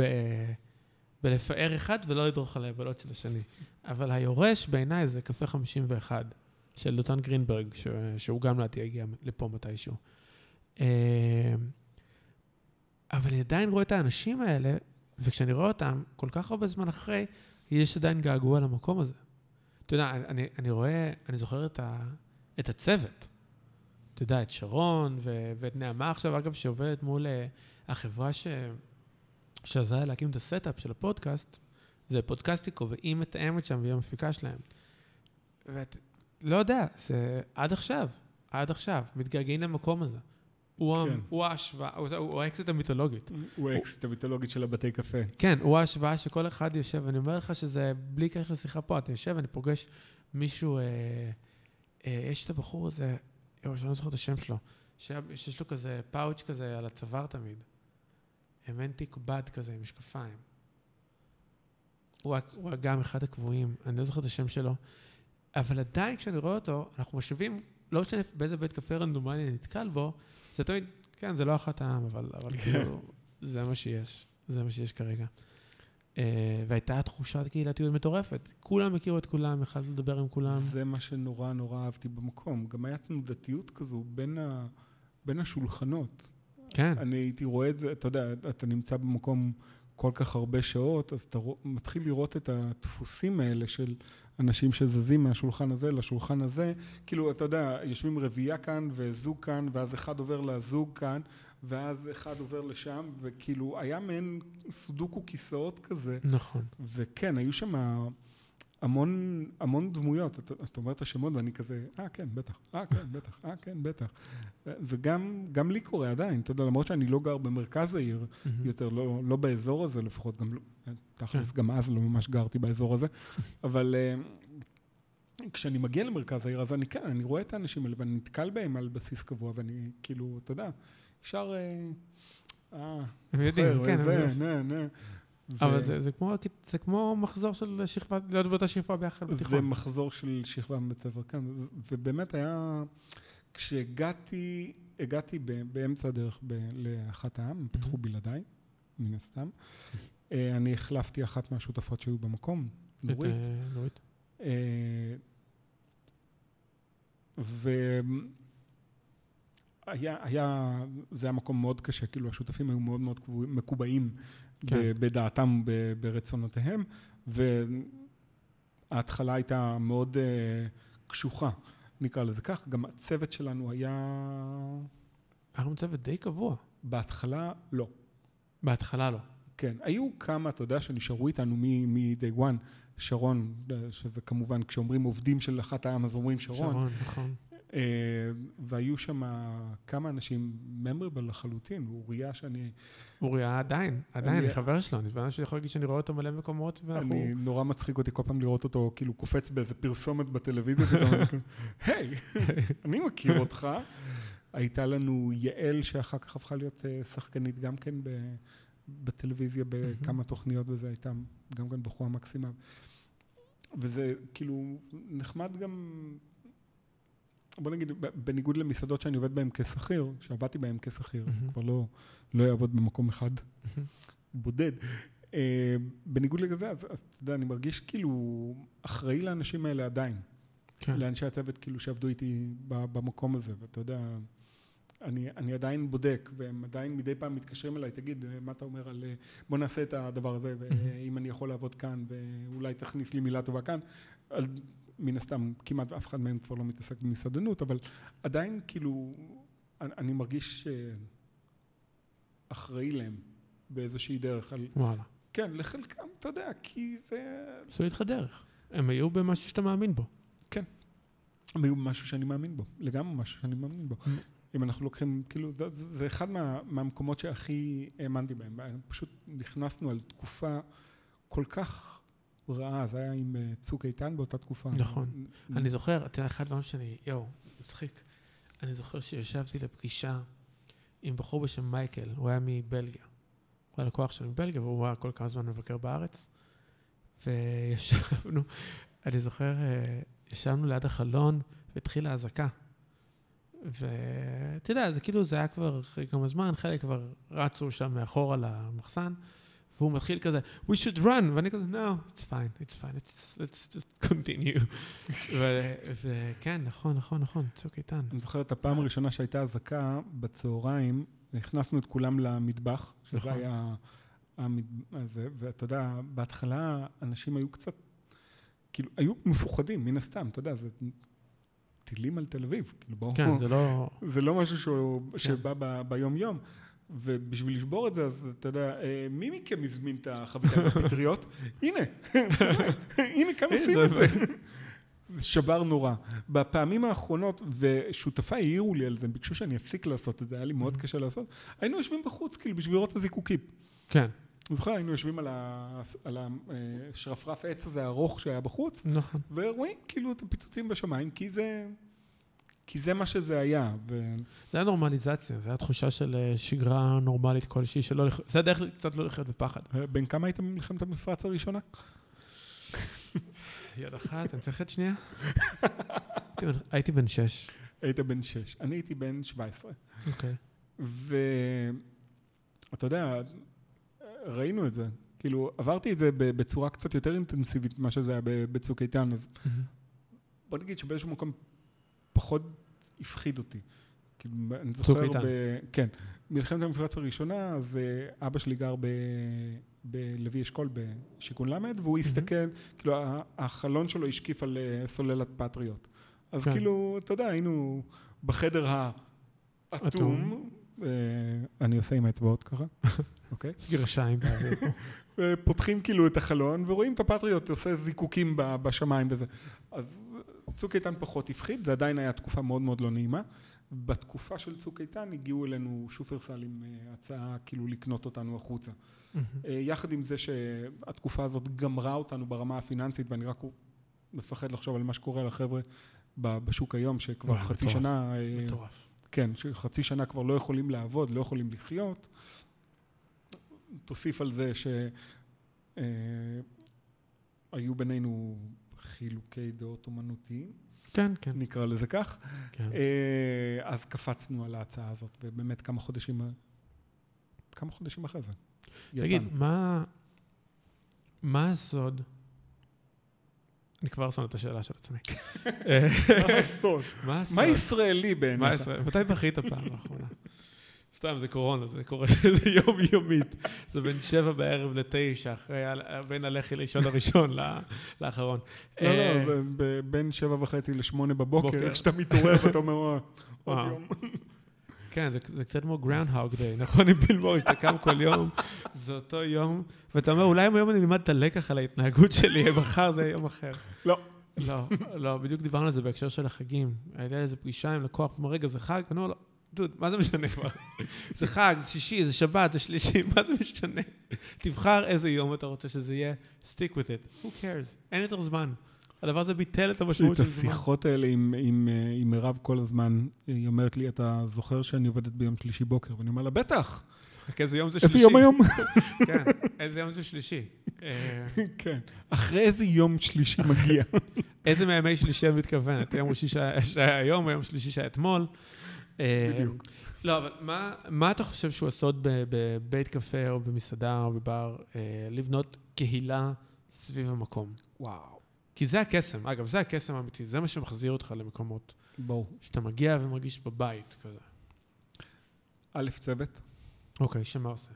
מה, מה הדברים בצוות, צוות חייב ההתנהגויות? להיות- צוות חייב להיות מאוד אמפתי, כאילו, למה שקורה מסביבו, ולהבין, כאילו, גם את המיקום שלו ב, ב, בסדר החברתי הזה של המקום, וגם איך לגשת לאנשים. בעל אוקיי. בית חייב להיות במקום, חייב להיות נוכח במקום. לא יכול להיות, וזה, אתה יודע, בית קפה כמו אחד העם, וגם אה, הג'וב שעשיתי בשלוש שנים האחרונות, כאילו הייתי סמנכ"ל תפעול של קופיקס, גם בקופיקס מהמם. הדברים האלה הכרחיים, וחלק מסניפי קופיקס, פחות בתל אביב, בתל אביב זה פחות עבד, אבל אה, ממש, בתל אביב התחילו עם 20 סניפים, יש היום שלושה, וואלה, שניים, אוקיי. משהו כזה. אז אה, ב- בעיקר בפריפריה, ידעו ליצור כאילו את הקהל הזה ואת החיבור הזה עם הקהל. כשאתה יודע את הבן אדם, אתה יודע, זה, זה הכי קלישאי, הכי קלישאי בעולם, אבל אה, השיר של צ'ירס, where everybody knows your name, and they כן. always glad you came, זה, ברור. זה זה, זה, זה כאילו, אתה יודע, ב- אם אתה צריך לזקק את כל מה שאתה מדבר עליו לשני משפטים, זה זה, זה המשפטים. מהמם. וזה מה שהיה שם, אתה יודע, כאילו, היה את, את מי שיושב בפינה הזאת של הבר, ואת אה, זה שיושב כאן, ואתה יודע, כאילו, לא להפריע להם ב- ב- ברוטינה. כשאני מגיע ל- לסטריטס בעמק גבירול, מהמם. אתה יודע, כשמגיע המלצר ונותן לי תפריט, כולם מסתכלים עליו, כאילו, מה, אתה דפוק? כן, כאילו... מה קרה לך, בן אדם? זה נמרוד אספרסו כפול וסודה. ו- וכן, וזה זה, זה העבודה. ולעשות, אתה יודע, מעבר לזה, כל מה שקשור למסעדנות בקטע הטכני יותר. שיפעל, שכאילו... זה- value for money, להביא קפה טוב. כן. דרך אגב, באחת, לא, היה לנו קפה מזהיר. אה, אני אומר את זה במילים עדינות. סוג הקפה. ההכנה הייתה משהו אחר. החבר'ה ידעו. לעשות את זה. היה- היה- אני לא רוצה להלשין, כי אני לא רוצה לפגוע במקצוע שלו, אבל אה, לא, היו כאלה עם אה, קפה שרוף קבוע. היו כאלה, תמיד יש כזה. אני חושב שהסוג קפה עצמו, אה, שוק הקפה בארץ מאוד מאוד משתנה בשנים האחרונות. אני- נכון. כאילו, אני שם לב לזה וזה. תחילת הדרך... העובדה שבינס, אגב, קיים פה כמותג סליחה? מצליח. בינס כמותג מצליח, שכדי שיוכ- כדי שיוכל להתקיים פה, תודעת קפה הייתה חייבת להשתנות מלכתחילה. כן, והיא השתנתה לחלוטין. בינס עושים עבודה מדהימה, וזה, אתה יודע, קשור לזה ששטראוס מחזיקים 60 או 65 אחוז מכל מטעי הקפה בעולם. באמת? כן, וואו. אוקיי, נדבר על זה עוד שנייה, זה מעניין. כן. אה, אה, ובגלל זה יש להם את היכולת לבחור כאילו ספציפית את הזנים הנכונים. הם עשו גם שני בלנדים שמתאימים ל... אני, אני אוהב את הבלנדים שלהם, אני פחות אוהב את הזנים שהם 100% ערביקה, זה פחות מדבר אליי. אני יותר אוהב בודי לקפה שלי, אני כן. מעדיף קפה עם רובוסט. אבל בז- אבל בזמנו רוב האנשים בישראל לא הייתה תודעת קפה לא של... הייתה תודעה בכלל. כן. לא הייתה תודעה בכלל. שוב, קפה ויין שאני- התפתח מאוד בשנים האחרונות. סליחה? קפה ויין. יין... יין עדיין אה, מאחור קצת בעיניי. לא, ממש לא. יין פשוט הגיע לשיא, לא לשיא, אבל בוא נגיד הגיע מחרמון לבן, חרמון אדום, בתור היינות שהם לגיטימיים להביא לארוחת אה, חג כן. או משהו כזה, ל... ליין טוב, ממש, כאילו in no time. הבעיה של היין בארץ זה כאילו המיסוי שלו והמחירים של היין הישראלי, שהם גבוהים מאוד יחסית ליין מקומי, כן. כאילו בכל מקום אחר בעולם. כל מקום אחר כן. בעולם. היין הישראלי מדהים, אבל מבחינת value for money הוא כאילו לא עומד במקום, כאילו אם אני קונה יין לא, אבל בסיסי, אני דווקא-. אני דווקא לא מדבר על האיכות בכלל של יין, כמו שאני מדבר על על התודעה של... מודעות? כן, זאת אומרת, אני, אני מסתכל על אנשים, יש חלק, אני לא יודע אם להגיד שאנשים ממש, כאילו יש טרנדים של יין שקודם לא היה קודם, נכון. שלא היה קודם, כמו רוזה או לילט, אה, שזה, זה פרצוף, אבל אה, פתאום התחילו להתאים או לחשוב על זה בכלל. אבל אני, לא, אני עדיין לא חושב שזו הבנה עמוקה מאוד, יש הבנה טרנדית של צבעים נקרא לזה, או מחירים. אולי אני טועה. הקהל הישראלי, סליחה, הקהל הישראלי מאוד מאוד אוהב את הקונספט של אה, value for money. כן. הוא מסתכל על הרבה דברים בפרספקטיבה הזאת של ה-value for money. אז נכון, אתה יכול לקנות פטרוס מהמם. באלפי שקלים, כן. אבל uh, כאילו, אם הוא מתביית על, ה, על היין הזה, ו, ויש לי אחד כזה, דרך מהמם. אגב, סודי, שאני לא מספר עליו לאף אחד, אתה מוצא יין שהוא אני לא יודע אם להיעלב פצצה. כפודקאסט או... אחרי שנסגור אני אספר לך. אה, לא, האמת היא, היה אותו באחת העם, שם גיליתי אותו. וואו, אוקיי. כן. אה, הוא מוצא את הזן שלו ואת הפינה שלו ואת הדברים שמתאים לו ליין הזה. אז כן, אתה יודע, אם יין היה פעם אה, משהו שהוא גנרי ליין. כמו קולה, היה לך, כן. היית יכול להגיד, יש לי קולה, תפוזים ויין. כן. וזה כאילו אותו דבר, כאילו, זה- אז היום יש לך את היין הלבן שמתאים לבוקר, לצהריים, ואת הרוזה שמתאים לאחר. הקורונה מאוד האיצה את כן, כן, ה-day בוקר, בוקר, הזה. שמונה כן. בבוקר, it's gonna be 12 somewhere. אבל, אה, אבל אתה, אתה יודע גם להתאים אותו, אה, כן, לארוחה או כן, למצב. וזה, אם, אם זה היה פעם רק אנשי מקצוע שיודעים את זה, אז היום הרבה מאוד יודעים כאילו להתאים את היין למה שהולך להם, אחרת הם היו הולכים כאילו ולוקחים, אה, אוי, נשמע כזה פלוץ עכשיו, אבל אה, שותים. יין לבן עם אסדו, ואז הם מבינים שזה לא הולך, זה, זה לא מת... כן, אבל כמו- אבל אני לא חושב שיש עדיין הבנה, נגיד, על איזה יין אדום עם האסדו. לאט לאט.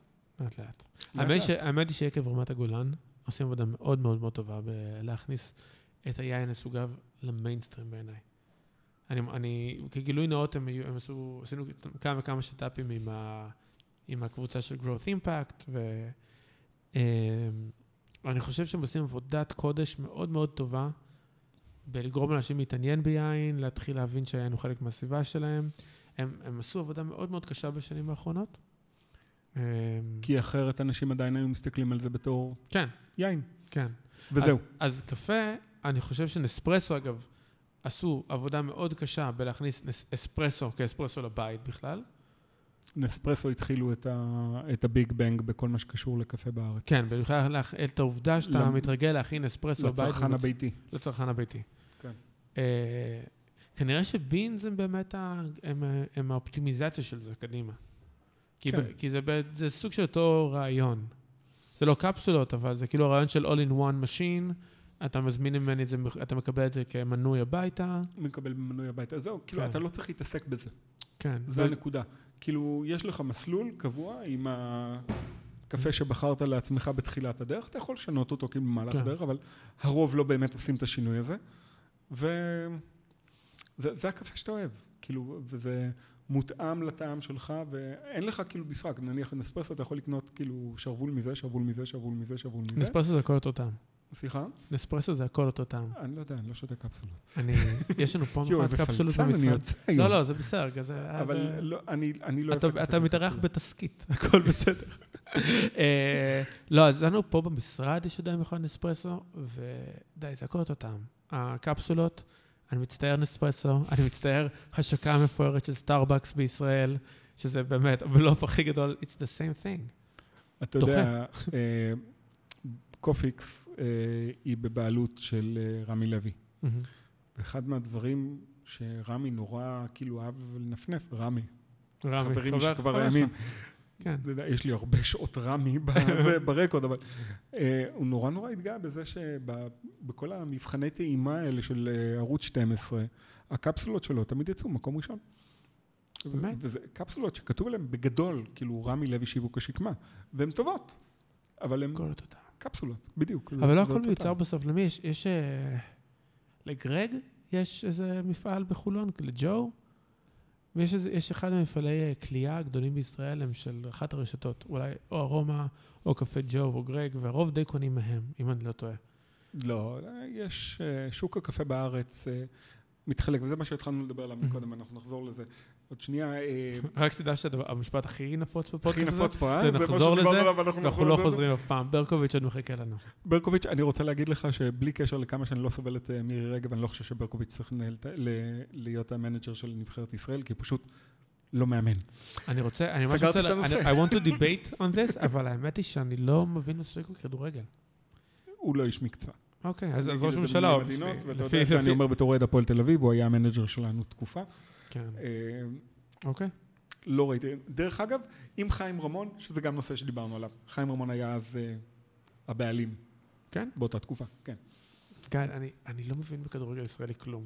הדבר היחיד שאני איכשהו מבין בו, זה שמושיקו, שמשה חוגג קנה את בית"ר, וכי אני מכיר את מושיקו מקודם. ו... האמת היא, אתה יודע, עם כל השנאה המיתולוגית בין הפועל תל אביב לביתר ירושלים, אני ממש מקנא בהם, כי אני חושב שהוא בעלים מדהים, אני, באמת. תראה, אז שוב, אני לא באמת מכיר את התחום, אני כן יודע להגיד שאני חושב שהוא מביא מסרים מאוד טובים בתוך הספורט. אני חושב שהוא חושב מאוד נכון.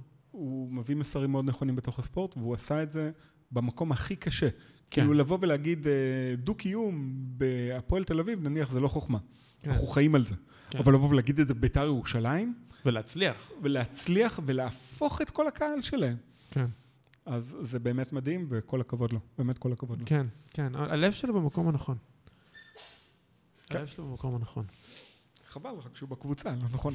אבל זה כבר סיפור אחר ואנחנו לא ניכנס לזה וזה. אז אה, ההליך שעליו דיברנו בקפה, שהתחיל לפני אה, חמש-שש שנים בארץ, כאילו הוא נכנס. יותר זה, זה, זה כליאה מקומית. כי עד עכשיו היינו מייבאים את רוב הקפה, עד אז היינו מייבאים את רוב הקפה מחו"ל, כאילו כבר כלוי. מה שהיה באחת העם היה הקפה של דנזי, וכשדנזי הפסיקו למכור לארץ. כמעט חיסלו את העסקים שלהם בכלל אה, בעולם, אז התחילו לעניין אותנו בכל מיני סוגי קפה אחרים, והיה דיבור מאוד מאוד חזק על העניין הזה שקפה בכלייה ישראלית הולך לתפוס תאוצה. אוקיי. אה, תפס, מן הסתם. היום רוב הקפה שאתה שותה בארץ, הרוב Mhm. המוחלט של הקפה, הרוב המוחלט של הקפה בארץ נמכר לארומה נניח, כן. אז זה קפה שנקלה בארץ. יש ספק אחד מאוד גדול של קפה שמוכר את הקפה שלו כמעט לכולם, גם לבתי הקלייה שאחרי זה ממתגים את זה אה, תחת המותגים שלהם, מהמם.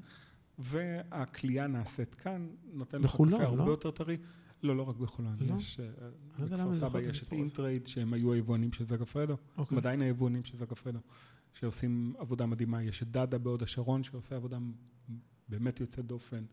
את אב הקפה, שאב הקפה אה, בחיפה נמצאים, גם כן, אה, וכולם זה כלייה ישראלית.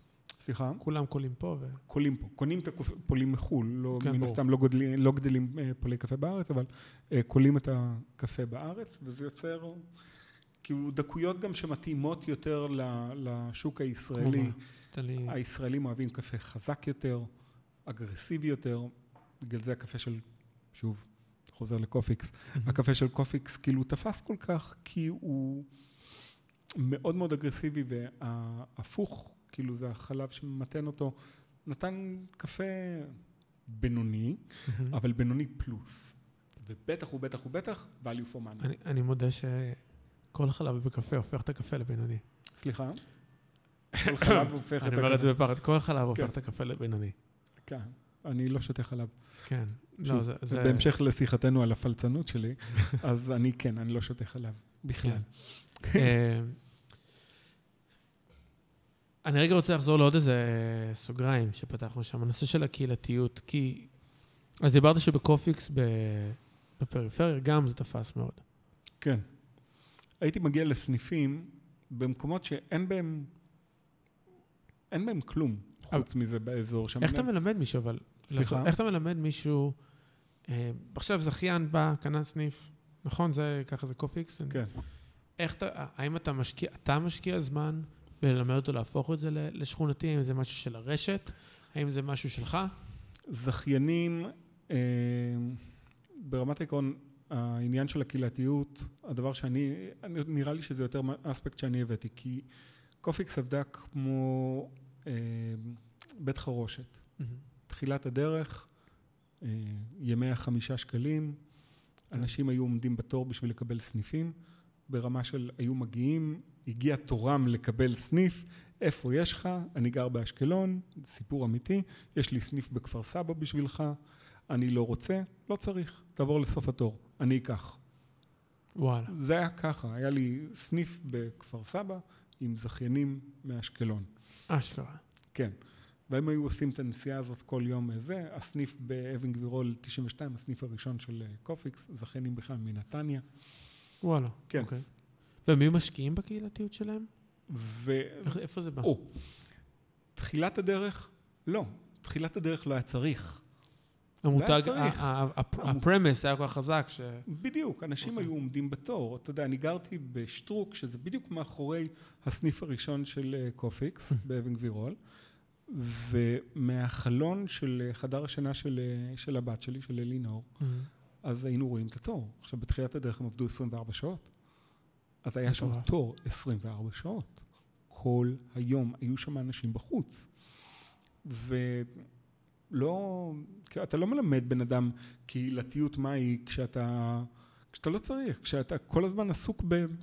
כן. כש- לעשות עוד קפה ולדחוף עוד חמישה שקלים לקופה. עוד חמש ועוד חמש ועוד חמש ועוד חמש, ואנשים עשו סכומי כסף לא מבוטלים.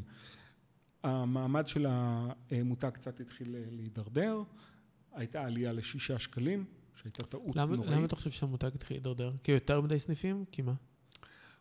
גם יותר מדי סניפים, גם סוג של קניבליזציה של סניפים, מהמם. בטח ובטח בערים גדולות כמו בתל אביב, שהיה ממש, על 14 אבן גבירול היו שלושה ב- סניפים. כן. בלונדון מיניסטור ב-92 ו-141. וגם אחרי זמן שהמכונה הזאת עבדה בכזה, והיא לא חידשה יותר מדי, אז התחיל מן הסתם איזושהי שחיקה. בנוסף, כל הכרישים שמסביב שלפו, אה, שלפו ציפורניים. מהמם. אני זוכר את ה... זה עוד לפני שהתחלתי לעבוד, אבל אני זוכר את ה... אה, מסיבת עיתונאים של אה, רני רהב בתור היחצן של רולדין, שמנסה להסביר לכולם שבמאפים של קופיקס יש מרגרינה. וואו, זה זה- לא רע. זה לא רע. כן. של זה ומיהו מחתולים. אבל מה כן. שהוא שכח זה שגם במאפים של רולדין יש מרגרינה. אה, אבל לא נורא, כאילו, אה, כולם הצליחו, התחילו לשלוף ציפורניים. ו- הרבה הורידו מחירים גם פתאום. הר- כולם הורידו מחירים. כן, מי שהתייחס לקופיקס כאיום, הוריד מחירים. נכון. אתה יודע מה אנחנו עשינו באחד העם באותה תקופה, כשפתחו את הסניף בברנר, ממש לא רחוק מאיתנו. מה? סניף מספר 4 של קופיקס בארץ. העליתי את המחיר של קפה בעוד שקל. כדי להפך, ליצור את הבידול. Hmm? כדי ליצור את הבידול של החוויה. להגדיל את הבידול. כן. להגיד, אני והוא לא מוכרים את אותו מוצר. עדיף נכון, לגור, זה ב- אותו כאילו אם- אם. אתה רוצה לגור בתל אביב, עדיף לך לגור, אם אתה רוצה לגור בתל אביב ולא מצליח, עדיף לך לגור בראש העין מאשר ברמת גן. יש מצב. זו ההגדרה שלי. וכשאני נכנסתי בתפקיד לסניפים של... נכנסתי בתחילת הדרך שלי בקופיקס לסניפים בהפעלה עצמית. זה סניפים שהם בעלות קופיקס. מה זה אומר? סניפים בדרך כלל חרבנה. סניפים שנכשלו, שהזכיינים עזבו, שהזכיינים פשטו את הרגל. כאילו כל ה... ואז קופיקס נכנסה ואמרה, יש כבר את הזה, הוקם, אנחנו זה חי. ניקח את זה, כן. אנחנו נשמור כאילו את המיקום לנו, תלך, אנחנו נסתדר מכאן הלאה. היו אה, זורקים לו כמה שקלים על הציוד ועל הזה, ובזה זה היה נגמר. בדרך כלל Mhm. מורידים מהחוב שיש לו לרשת. ושם התחלתי לעבוד בצורה הזאת, בצורה שאני מכיר. כאילו, אני- הייתי עומד מאחורי המנהל של המקום, הוא אומר לו, איך קוראים לזה? איך קוראים לזה? מה הוא שותה? אתה חייב כאילו לעורר את הרצון של האנשים, בטח ובטח בסניפים כאלה, שיש לך זמן כאילו לדבר עם האנשים האלו, באמת לפנות אליהם, וכאילו לקרוא להם בשם, ולהגיד כן. לייצר את התחושה הזאת של שאתה בא לסניף, שפה מכירים אותי, אני מעדיף את זה על זה. כן, לגמרי. אה, אחרי שנה בקופיקס הפכתי להיות הסמנכ"ל תפעול של כל הרשת. מעבר כאילו, אה, אם הייתי מוגבל יחסית באזור בתקופתי כמנהל הפעלה עצמית, אז אתה יודע, עכשיו יש לי סניף בצפת וסניף באילת. איך מתמודדים עם זה? נוסעים המון. כן? נוסעים המון. הייתי פחות במשרד, היו תקופות שהייתי צריך להיות יותר במשרדים, אבל רוב הזמן הייתי בדרכים, היו לי שישה מנהלי אזור, כל אחד על חלק אחר מהארץ, אז אתה יודע, זה לא ש... לא, לא נגענו בסניפים כשאני הייתי במשרדים או משהו כזה, אבל הייתי יורד למטה למשרדים, וזה מה שדיברתי עם המנהלי אזור, וזה מה שדיברתי גם עם הסניפים עצמם. אתה יודע, אם תחפש עכשיו באינסטגרם, תראה את סניף קופיקס בת ים, שמעלה צילומים של הסנדוויצ'ים החדשים שהוא קיבל היום, ואיך הוא סידר אותם במקרר, שזה פונה לאנשים שהוא מכיר, כי מי עוד יחפש את קופיקס בת ים בזה? זה להגדיל את הקשר שלך עם הלקוחות שלך ישירות, בלתי אמצעית, וכשאנשים נכנסים, מה העניינים? מכין לך את הקפה שלך, וכאילו לרוץ על הקטע הזה המקומי. זה עזר להמון סניפים לשרוד את התקופה המאוד מאוד בעייתית שהייתה אחרי העלאה לשישה שקלים. אחרי העלאה של שישה שקלים היו, הייתה ירידה בחזרה לחמש, ואז שינו את ה fixed price, חמש, שמונה, שתים עשרה, והיום זה עד עשרים ו... לא יודע מה, לדעתי... כי המודל לא פועל? כי למה? המודל לא פועל. אוקיי. כי זה נמוך מדי. המודל לא פועל יותר, הם מחזיקים את הקפה עדיין בחמישה שקלים, אבל הקורונה... טוב, הקורונה... הכתה קשה מאוד. בוא רגע שנייה נדבר על זה. למרות שגם... אני לא יודע אם אני רוצה לדבר על זה קודם, או על קפה נואר קודם, ועל רפי. בוא נדבר על רפי קודם. בוא נדבר על רפי. פשוט יצא לי בשבוע האחרון לדבר המון על רפי. רפי נפטר לפני שנה, שנה וקצת לדעתי. שנה וקצת, בדיוק שנה, כן, זוכר, ראיתי... בן כמה היית כשהגעתי אליו? הגעתי אליו ב-2011, הייתי בן 36-7. צעיר. כן, הייתי צעיר. הגעתי אליו בגיל 36, סיימתי, עבדתי ב... עשיתי את ההקמה של הוויקי קריסטינה כנאמר, עשיתי שם עבודה קשוחה מאוד. עזרתי לחבר טוב, ארז, ארז אושרי, עם מייט, הרשת ברים שהייתה לו אז. כשהבנתי שאני לא טיפוס של לילה יותר, וכאילו התחתנתי, מה אני אעשה? כל הבנפיטס של העניין הזה של הלילה כבר לא רלוונטיים אליי. למרות שזה גם קשה, זה חיים קשים חיי לילה. חיים מאוד קשים. חיים מאוד מאוד קשים. וגם אתה יודע, כשאתה עובד לילה, זה לא באמת שאתה עובד רק לילה. אתה עובד מהבוקר עד הלילה. כן, כן, כן, כי יש לך חלק משרדי ויש לך חלק של... בדיוק. אז הודעתי שם, חבר'ה, תקשיבו, זה לא... פחות. כן, חבר'ה, פחות. וחבר מאוד טוב, חבר יקר, שהיה מנהל של קפה נוער, הוא היה המנהל המיתולוגי של קפה נוער, אלון יפת, אמר לי, תקשיב, מחפשים מנהל לקפה נוער, בוא אני אכיר לך את רפי. וישבתי איתו לשיחה מאוד מאוד ארוכה, שעה וחצי שהוא... he grilled me, כאילו ברמה הזאת.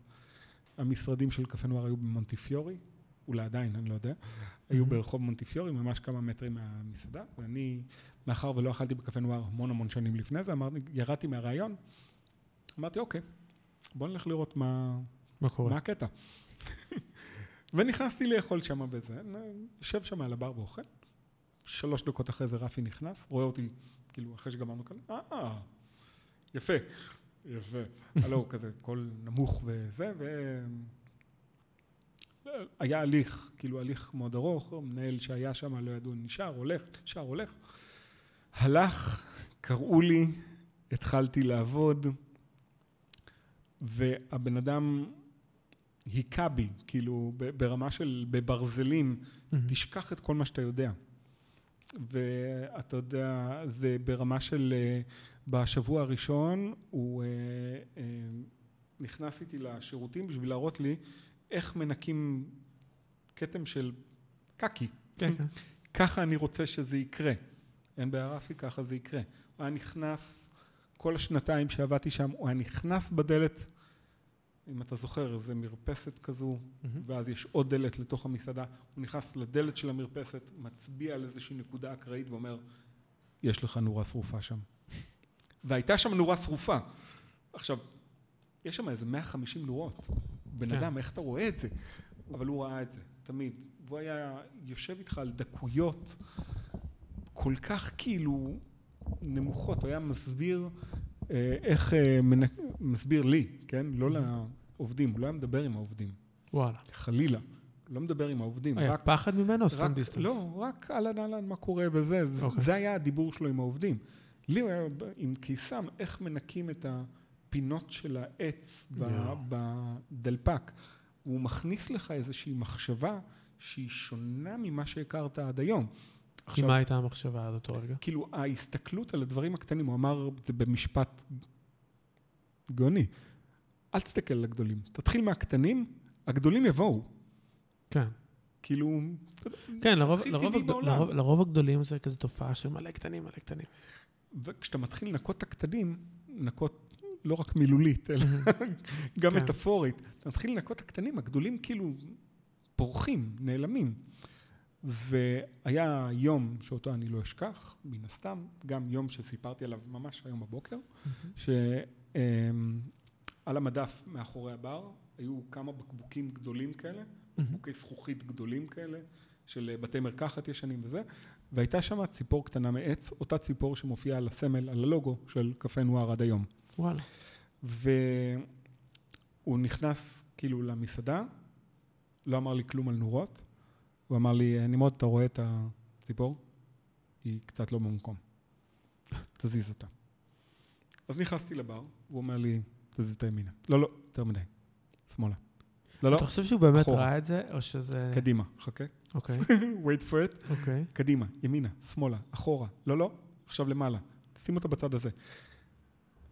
רבע שעה. פיק צהריים, ואני יושב עם הציפור המזדיינת הזאת, ומזיז אותה ברמת המילימטרים, ימינה, שמאלה, אחורה, קדימה. מהמם. בסוף הוא אומר, זהו. בדיוק כאן. תזכור שהיא כאן, אוקיי? שלא תזוז. אני אומר לו, אין בעיה. הוא מסתובב, יוצא מהמסעדה, המנהל בר בא, נותן לי את הצ'פחה של החיים ואומר, התקבלת. אבל אתה חושב שהוא באמת ראה את הציפור הזאת, או שזה לא. היה מעין... לא, הוא לא ראה. לא.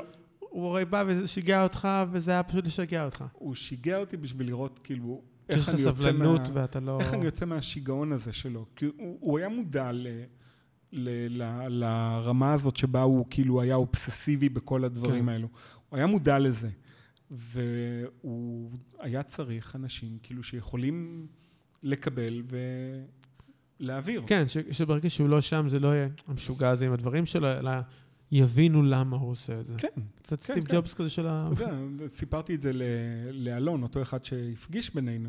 אה, כן, כן, עשה את זה גם לי. זה כאילו, זה טבעי, ואני מניח, אני מן הסתם כבר לא, אבל אני מניח שהוא עשה את זה לכל המנהלים שבאו אחריי עד שהוא החליט לפרוש אה, מהעסק לפני שהוא אה, נפטר. הוא חלה פעמיים בסרטן ריאות. וואו. זה באמת בן אדם ששינה את התפיסה שלי לגבי מסעדנות והמקום עדיין שם. הוא הוא כמה זמן, כמה זמן קפה נוער קיים? מאז 97. זה רקורד די מרשים, בטח שבתל אביב. כן. כן. בטח שבתל אביב. רפי, אה, מהסיפורים, התחיל לעבוד על המדבר יחד מהמם. עם האחים, שרון ואני לא זוכר איך קוראים לשני. אה, התחיל לעבוד על המדבר ואז אה, נפרדו דרכם בתחילת הדרך והוא מצא את הפינה הזאת אה, יחד עם עוד חבר ילדות, עם גדעון שעדיין נמצא שם. אה, הוא אה, הקים את המסעדה הזאת בצורה משעשעת. עד היום, אה, עד היום האחרון שלו שם, הוא, סיפר אה, שכשהציעו לו את השניצל, היה לו יועץ שנקרא ינקלי שיין, גם הוא נפטר לא מזמן. לא, לא נעים מה שקורה לחבר'ה בענף הזה. אה, הוא נפטר לפני כמה זמן, והוא הציע את השניצל, הוא אמר בוא נעשה שניצל ונעשה אותו ככה ונעשה אותו גדול ונעשה את זה. אנחנו לא נמכור יותר מעשרה ביום.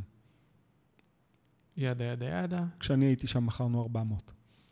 אני חושב שאני קניתי פעם עשרה ביום. כן, זה... הוא אגדי. זה מדהים אגב שיש מנה כזה שהופך להיות אגדית למסעדה.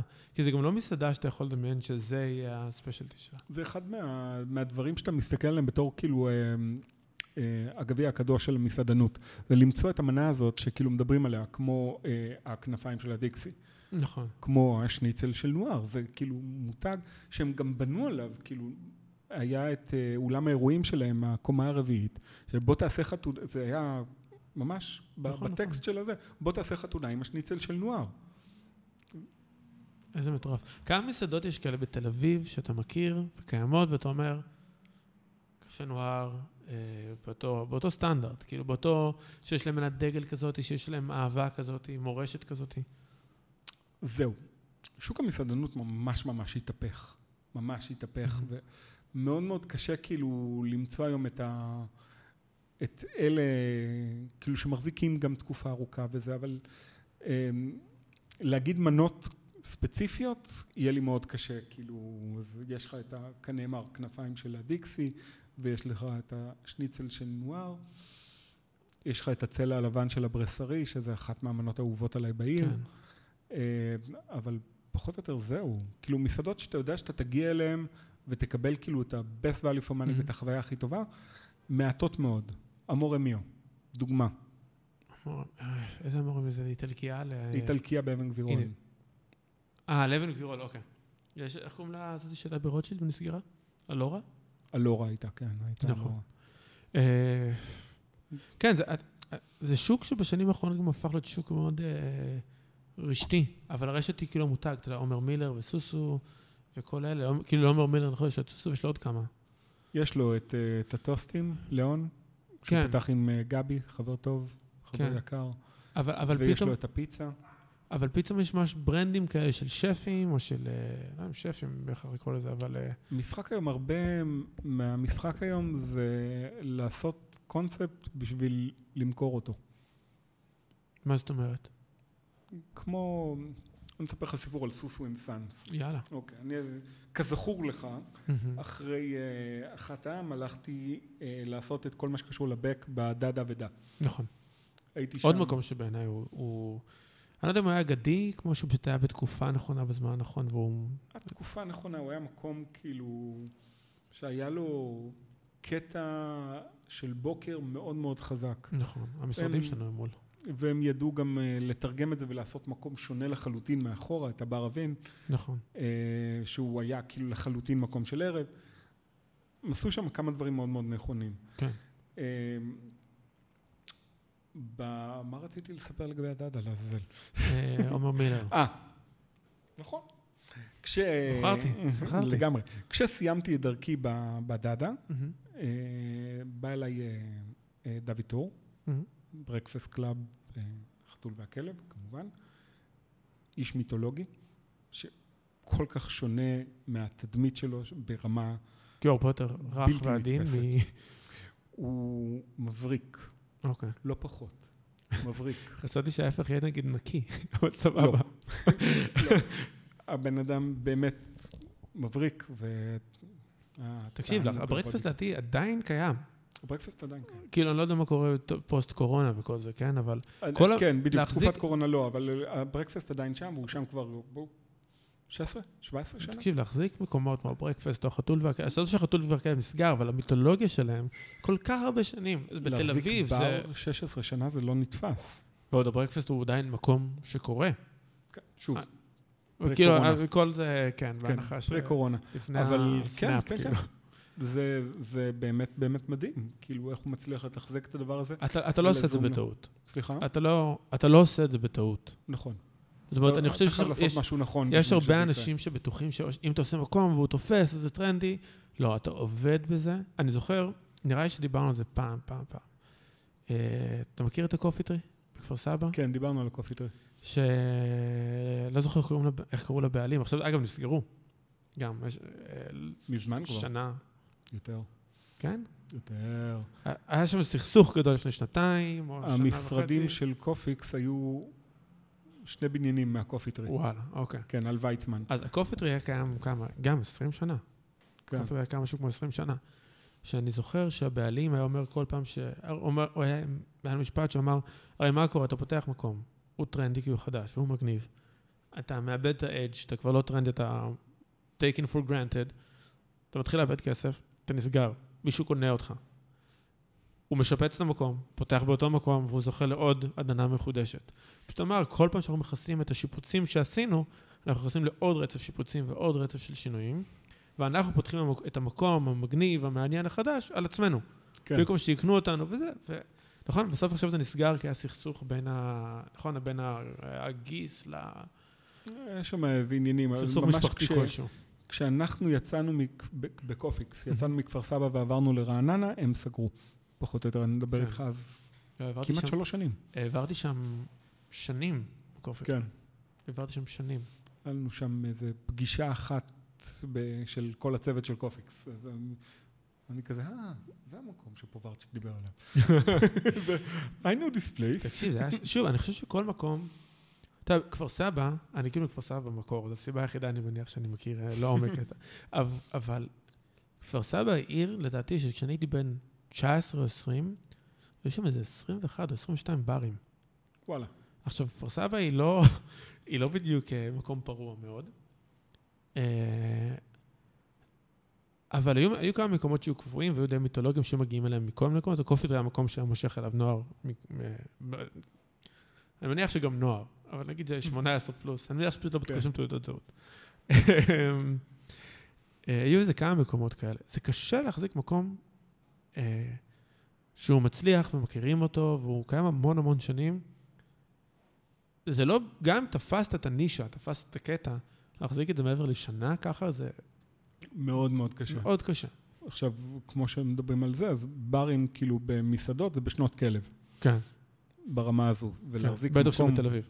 להחזיק מקום כמו אה, הברקפסט כל כך הרבה שנים, 16 או 17 שנה, זה ברמת השיא הבינלאומי. זה לא בר כמו אמירם, אתה יודע, שאתה בא לשתות כן. בו את הבירה שלך ו... where everybody knows your name and they're לא, always זה glad you זה came. מאוד מאוד... זה לחלוטין, זה פיקאפ והוא עדיין עובד. כאילו, ואת המילק, עדיין יש את המילק שם בפנים, אני לא זוכר את הליין היפסטרים הזה. אסף אנדורסקי היה מתקלט שם פעם מלא. Could be. Could be. בכל מקרה. כן. החזרת אותי לזה, לנושא המקורי שעליו דיברנו. עומר מילר, אז סוס ונסאנס. כשסיימתי את דרכי בדד אבדה וביקשתי, כאילו, אמרתי להם, חבר'ה, טוב, תקשיב, זה... אין לי יותר מה לעשות כאן. כאילו, אני משתעמם. מה זה עבורך אומר שאני מה עוד לעשות כאן? עוד מה לעשות כאן? אה, סידרתי את הבק של המקום. כאילו, אוקיי. בעיקר את כל ההליך של קבלת סחורה, את כל המחסנים שהיו להם למטה, הגדלנו כאילו את המוצרים, סידרנו את המטבח. באיזשהו שלב אתה מגיע למקום שבו כאילו המקום עובד כמו שהוא אמור לעבוד, ועכשיו זה רק להחזיק רוטינה. אבל זה לא גם לחדש? זה לא גם... זה לא היה התחום שלי. הבנתי. אני הייתי אוקיי. בבק, לא בפרונט. הבנתי. חשבתי אולי לעשות את המעבר וזה, אבל זה לא באמת התאים לי בזה. אוקיי. וישב איתי אה, דוד, ואמר לי, תקשיב, אוהבים אותך, אני רוצה לעשות מקום. רגע, דד אבדה זה של דוד של ברקפסט? היה? כן, שותף שם. וואלה, אוקיי, לא ידעתי. זה החיבור. כן.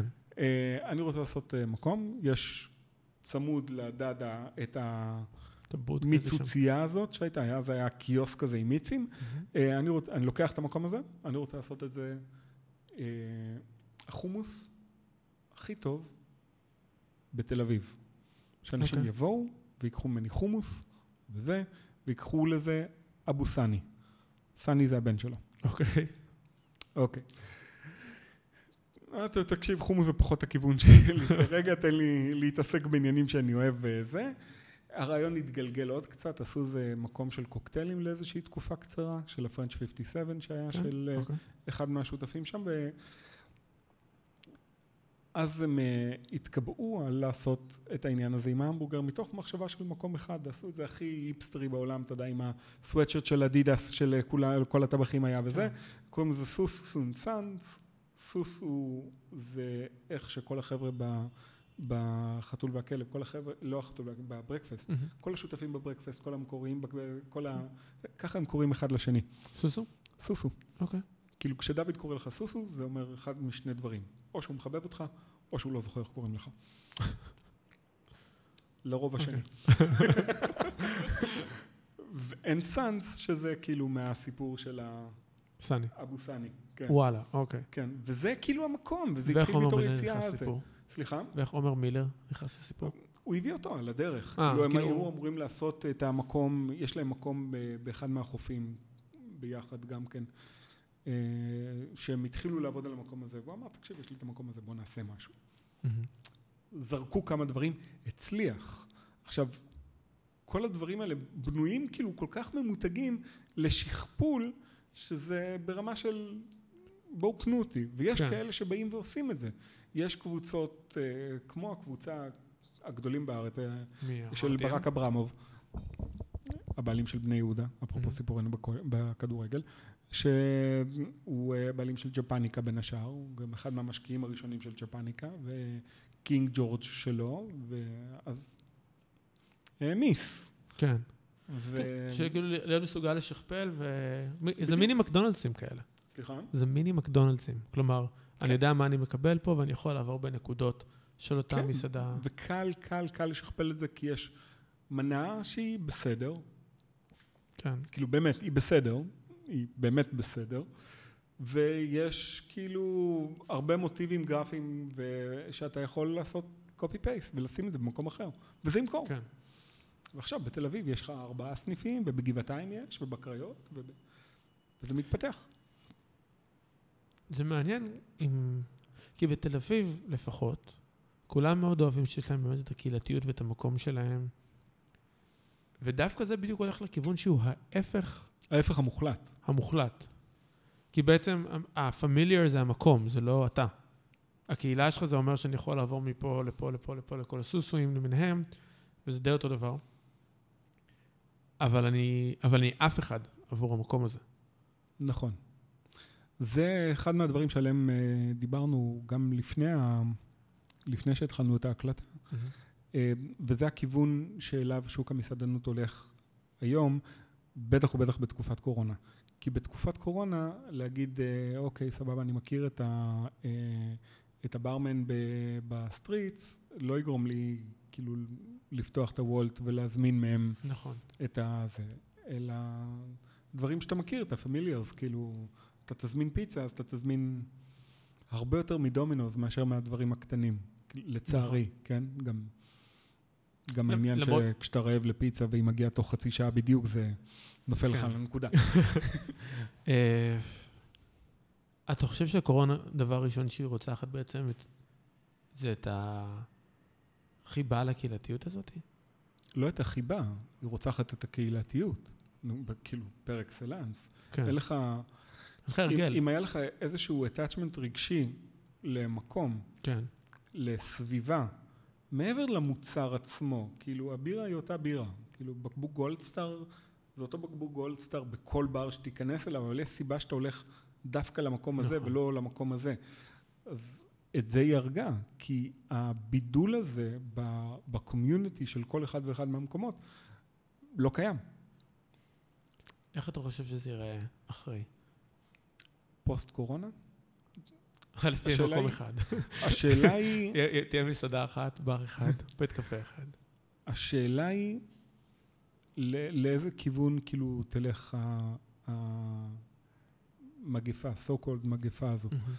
האם זה הולך לחיסון של זבנג וגמרנו, ואז, אתה יודע, אמצע שנה הבאה, כאילו חוזרים לכמו שהיה לפני, ואני מניח שיתחילו דברים יותר בזהירות, אבל יהיו גם המון המון המון אופציות חדשות, כי כשאתה עובר ברחובות עם כל הצער בלראות את כל המקומות סגורים, דוד, כל המקומות סגורים, כאילו, כן. יש המון המון המון אופציות לדברים כאלה.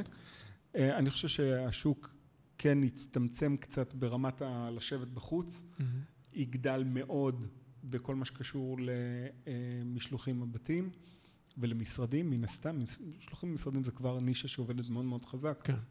עכשיו היא תעבוד עוד יותר חזק. אני יודע על כמה מקומות שמתכננים גוסט uh, קיצ'ן, uh, שזה בעצם... רק מטבח. רק מטבח. רק מטבח ומקום לשליחים. בלי מקום לשבת ולאכול, ולאו דווקא כאילו, אתה יודע, אם אתה חושב על מקום שהוא רק משלוחים, אז אתה חושב, שוב, דומינוס, כזה, אז לא, לא רק, כאילו, מקום שמוציא לך משלוחים של מנות שף, par excellence, אבל בלי מקום, בלי מסעדה. כן, אבל אתה יודע, הקורונה האיצה את זה, אבל וולט, היא קצת עשתה... אחד, אחד מה, מה, מעולם, מעולמות הטכנולוגיה, אני חושב שאחד הדברים המעניינים שסירי או אלקסה או Google Voice, כל אלה עשו, הם עשו מעין איזשהו טריק, כי לא אכפת לך מי עומד ב backend שלהם. מה זאת אומרת? אם יש לך אפליקציה שאתה אוהב, ואתה, אז יכול להיות שאכפת לך להפעיל אותה ואתה משחק איתה באצבעות, אבל כשאתה שואל משהו את סירי, אלקסה או גוגל, אתה לא יודע מי עונה לך, לא אכפת לך. What's the weather today? אתה לא יודע אם זה uh, Weather the, weather channel או האפליקציה הזאתי, הזאתי. כשאתה שואל בסירי, uh, what song is this? הרי הם קנו את שזאם, המנגנון מאחורי זה זה שזאם, uh, לא אכפת לך. נכון. אתה שואל שאלה, אתה מקבל שואל את תשובה. סירי. כן, אתה שואל, את, אתה שואל את סירי. וולט בעיניי קצת עשתה את זה להרבה מסעדות, כי... קצת כמו גרופון אולי גם, כי אם הפיצה פה, אני, זאת אומרת, היא הורידה את הלויאלטי שלי. אם בא לי המבורגר, והראשון שרציתי סגור, אני הולך לבא. יכול להיות שהתחלתי סושי, יכול להיות שהתחלתי במון, מון סגור לוקח יותר מדי זמן, swipe right-left כזה, מעין טינדר של מסעדות. טינדר של מסעדות, חזק. אה, ואז, בעיניי, אם אני מסתכל על זה, אתה יודע, וולט יכולים באותה מידה, להסתכל חמש שנים קדימה, לפתוח רשת של מטבחים. והם יכולים לקנות את הזכיינות התפריטית, ולייצר הכל באותו space. הרי מה, ולייעל את עצמם. ghost ki- kitchen, כן. כן.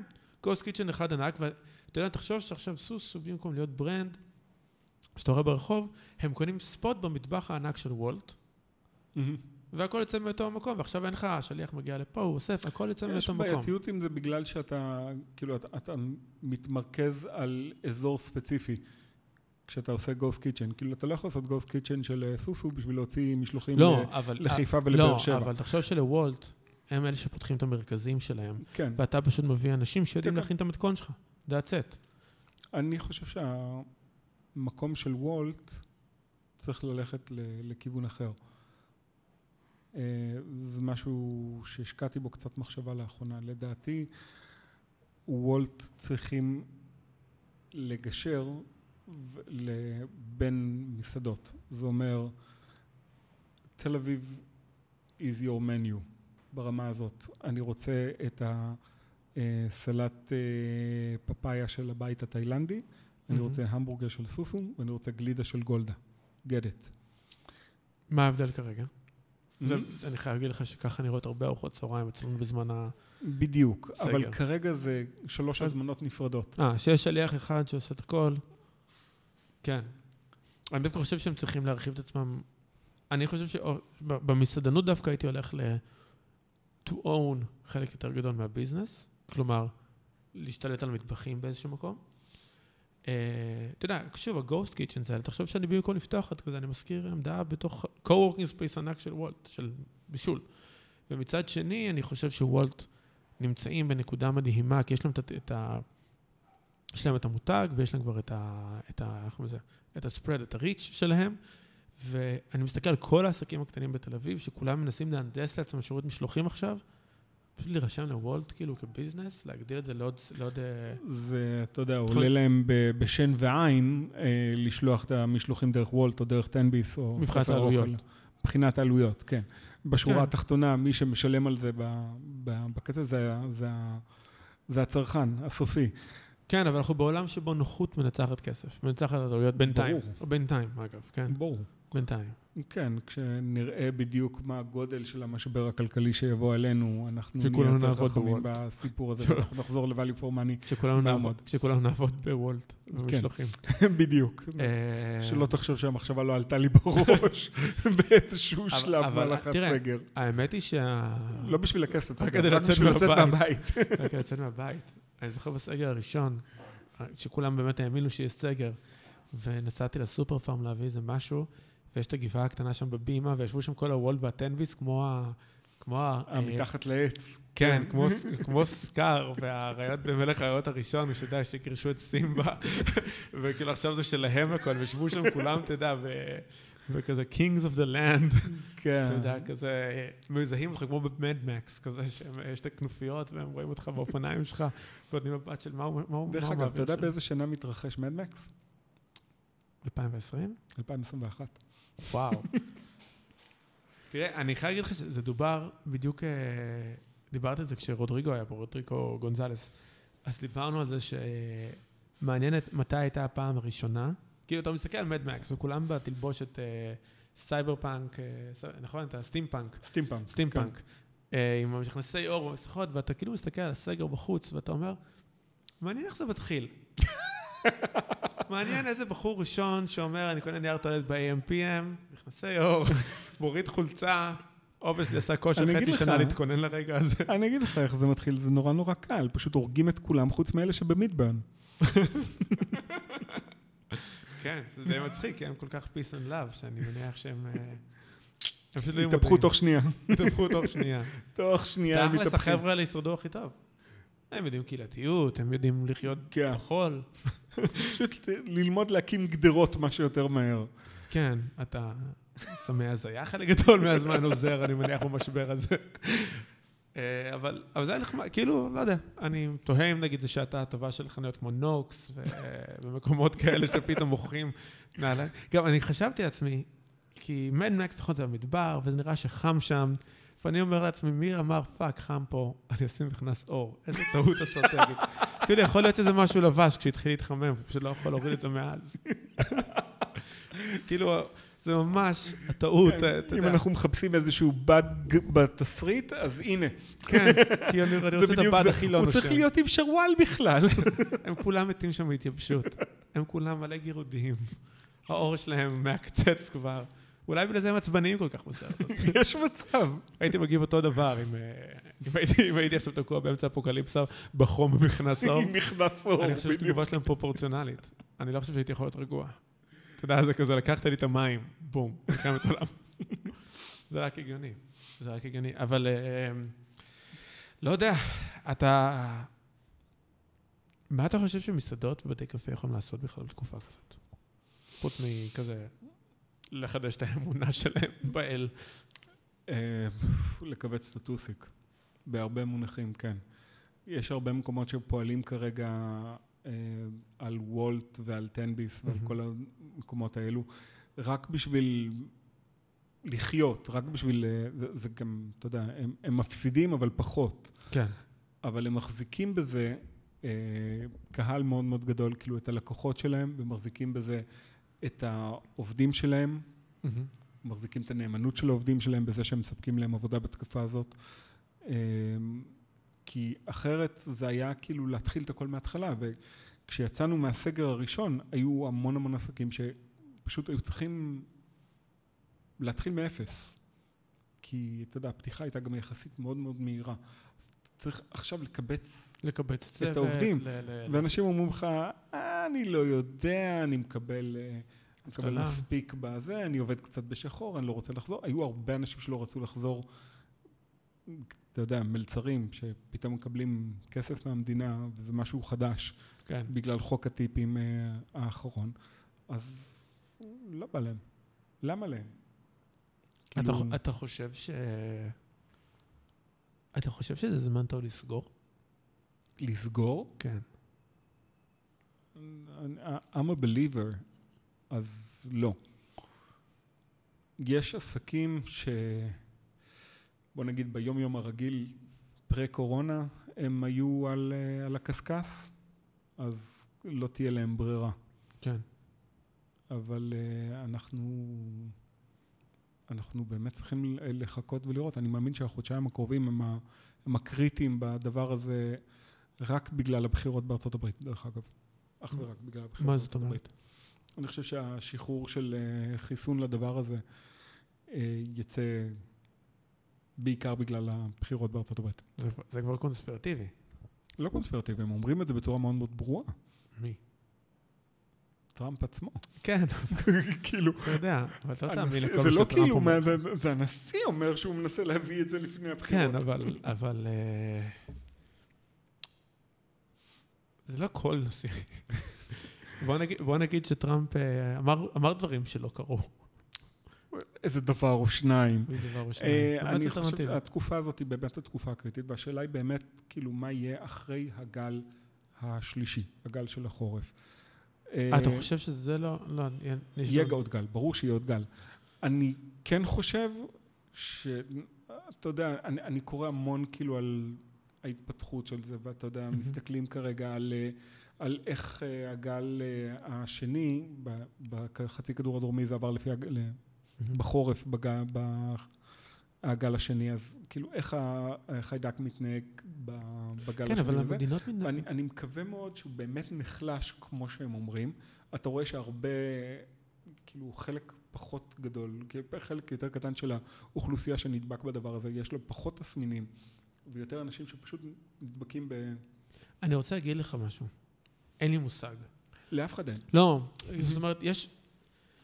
יש כאלה שאומרים שזה... יש כאן עוד בירה. יש כאן עוד בירה. אה, יש... אני לא... אני כבר לא יודע מה... מה כאילו... יש כאלה שאומרים שנחלש, מתגבר, תסמינים ככה, זה ככה. אני לא יודע כבר, אני באמת לא יודע למי אני מאמין. אם אתה מאמין לאיזה אתר אחד, אז זה נחלש. אם אתה מאמין באתר אחר, זה חזק. אם אתה... תודה רבה.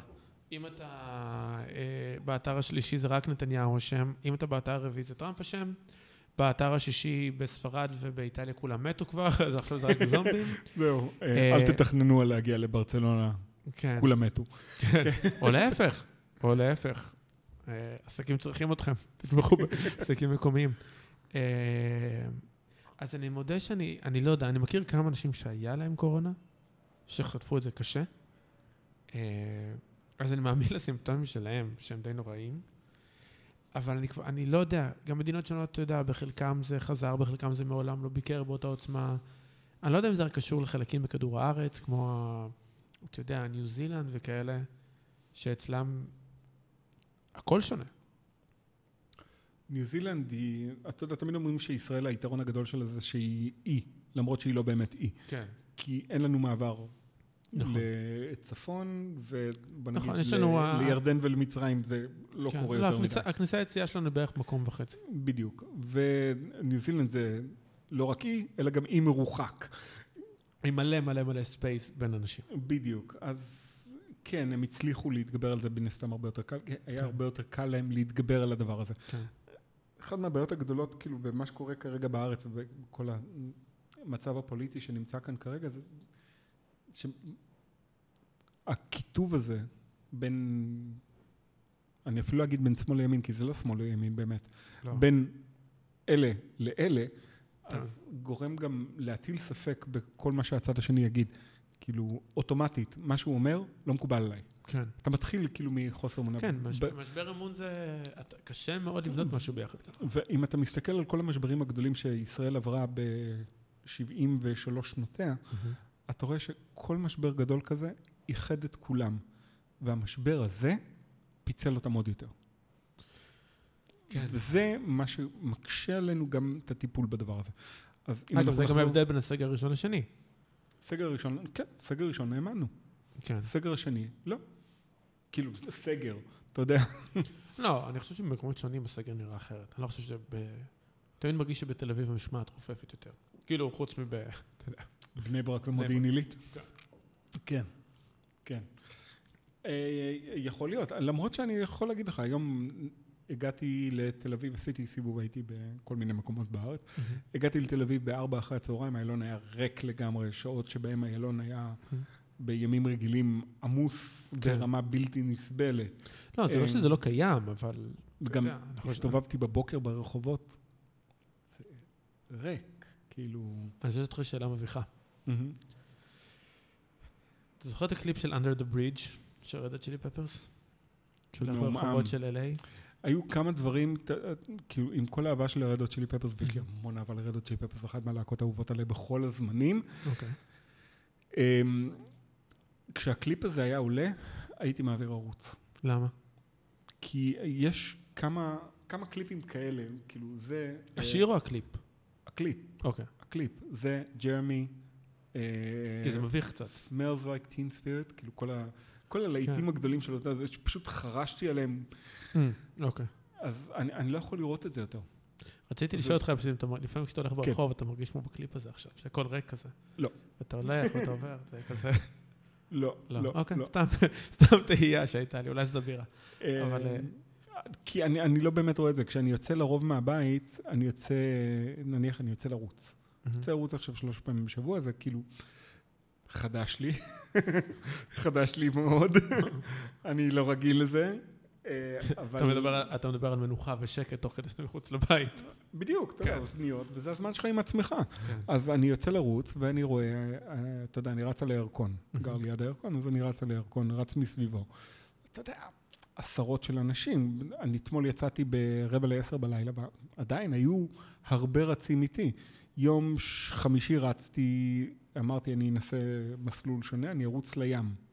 כאילו על הטיילת. כן. לא יכלתי. מפוצץ אנשים.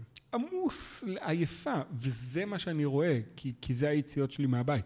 היום כשיצאתי, עשיתי סיבוב בעיר, כאילו, לענייני עבודה, אז ראיתי את העיר באמת כמו שהיא, זה נראה כמו איזה חלק מרומן גרפי דיסטופי, כזה של... אה, כן. למרות שיש גם משהו נחמד בשקט.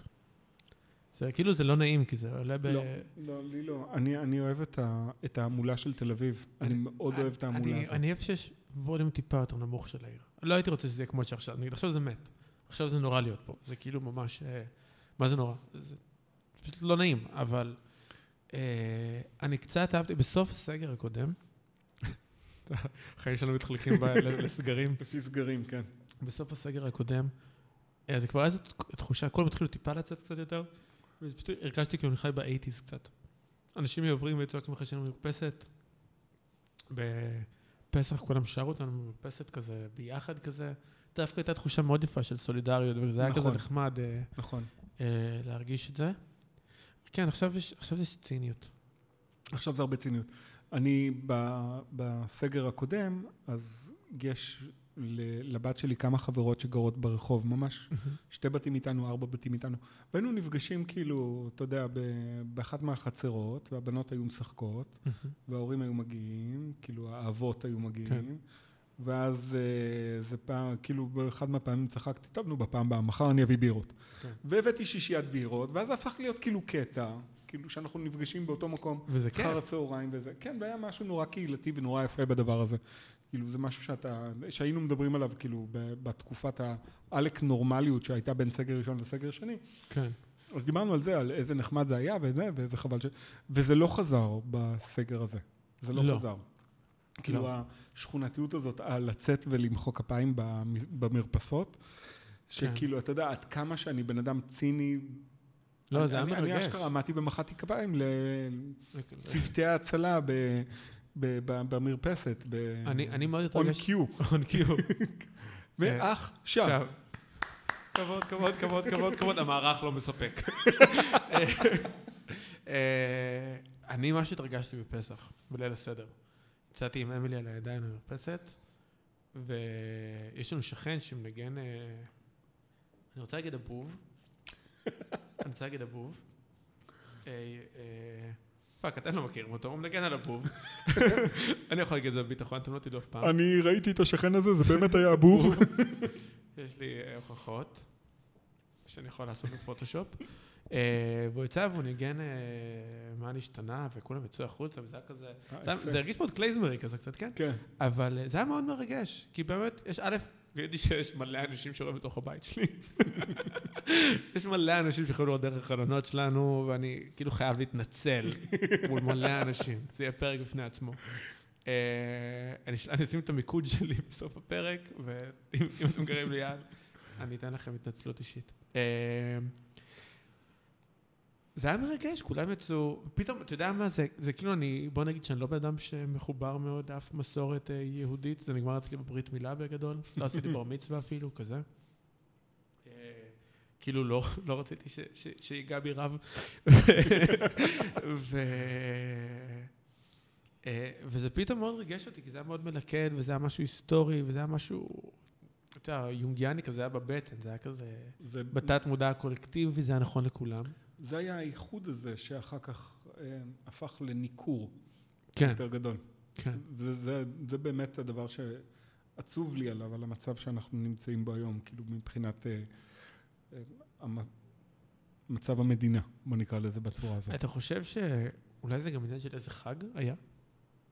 כאילו ראש השנה, כאילו העובדה שיש לזה, כאילו שהיה- זה זה היה תקופת חגים כזאת לא. שהם, אה, לא? לא חושב שיש הבדל, נהפוך הוא. אה, ראש השנה הוא תמיד האקוויבלנט לפסח, כאילו זה השני חצאים האלה כן, אבל השנה, פסח וזה- השירים, יש אה, gathering, לא יודע. אולי הגז, אולי, אולי אצלי עכשיו... ה- במשפחה גם בראש השנה יש את השירים ואת הגדרינג, אז זה קצת שונה. אתה יודע שלא ידעתי שיש שירים בראש השנה. אה, אוקיי. אני בא ממשפחה ארגנטינאית, אצלנו זה כאילו. מתחיל מהאוכל. כן. אה, לא יודע. תדע לך שבעיניי פסח הוא החג הכי מבולבל שיש. הכי מבולבל. כן. יש לך חג שלם שכולו סביב זה שבני ישראל היו צריכים לעשות משהו מאוד מאוד מהר, במעט מאוד זמן. אין לחם, יש מצות, כל הדברים האלה. וזה ליטרלי החג שבו הרגע לאכול לוקח הכי הרבה זמן. זה ההפך מהמוסר השכל של תמהרו. נדמה לי שוודי אלן זיקק את זה למשפט אחד יפה, הוא אומר, Jewish holidays, הם ניסו להרוג אותנו, לא הצליחו, בוא נאכל. לא נאכל, בול. אבל פסח, אתה יודע, literally, אתה אוכל את הדיקט הזה כי, כי לא היה זמן, אבל obviously לשיר 47 שירים, שהם obviously ה progressive rock של תקופת התנ"ך. שכל, שכל אחד לוקח 17 עד 18 דקות בלי הסולו גיטרה של דיוויד גילמור באמצע. אה, אני חשבתי על רוברט פריפ דווקא, אבל אוקיי. כן, כן, כן, אבל אני מנסה שהתוכנית תהיה, תהיה נגישה. אני רוצה שהרבה אנשים יזדהו עם התוכן שלה. לכן דיברנו נגיד על הברסרי ועל קפה נוער. אה, אה, אז כן, אז זה עצוב, זה היה כיף, כאילו, מה זה היה כיף? זה היה, היה איזושהי סולידריות בסגר הקודם, שהסגר הנוכחי, כן. גם, אני חושב שהייתה אנרגיה אחרת, לי היה כוח. בסגר הקודם, היה לי מלא כוח, היה לי כוח להשקיע באמילי, היה לי כוח לעבוד, היה לי, היה לי איזושהי אנרגיית אה, חיוניות בחיים. ועכשיו זה יותר מעצבן. עכשיו, עכשיו הכל מעצבן, ודווקא עכשיו בסגר זה הרבה יותר קל. אני בא למשרד כל יום, בסגר הקודם לא יכלתי לעשות את זה. נכון. יש לי זמן משרד כמעט כל יום. וואלה. אה, ארבע, חמש שעות שאני יושב לעבוד בהם פה. כאילו, אין הסחות דעת. כאילו, יש אנשים אחרים, אבל זה לא... ועדיין הכל הרבה יותר כבד לי. אני לא מצליח להתנער מזה.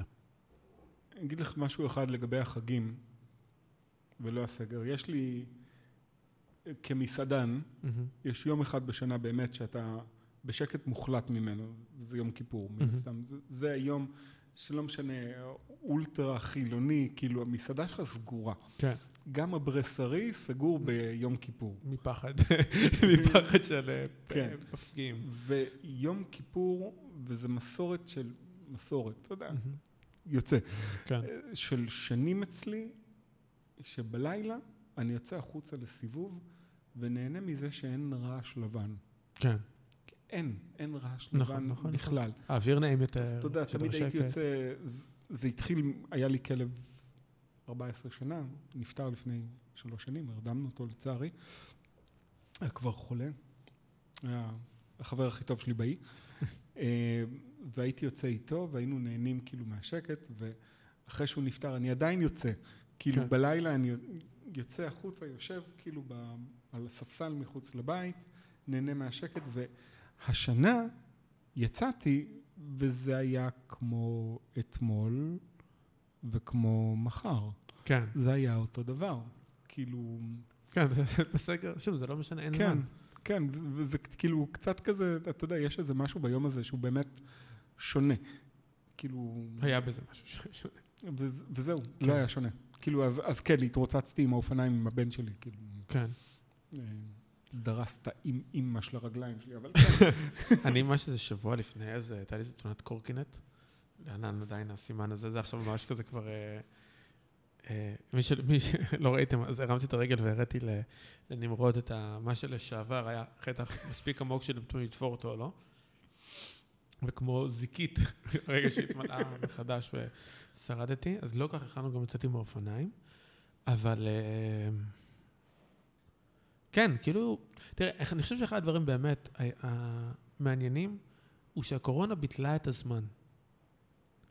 כאילו באמת, כמו שאנחנו צחקנו, זה לא משנה, זה ראשון, זה שני, זה שלישי. בעולם של, אה, שוב, זה, זה עולם נישתי מאוד, בעולם של עבודה מהבית, יש פגישות פה ושם, אבל, אבל אין יותר זמן.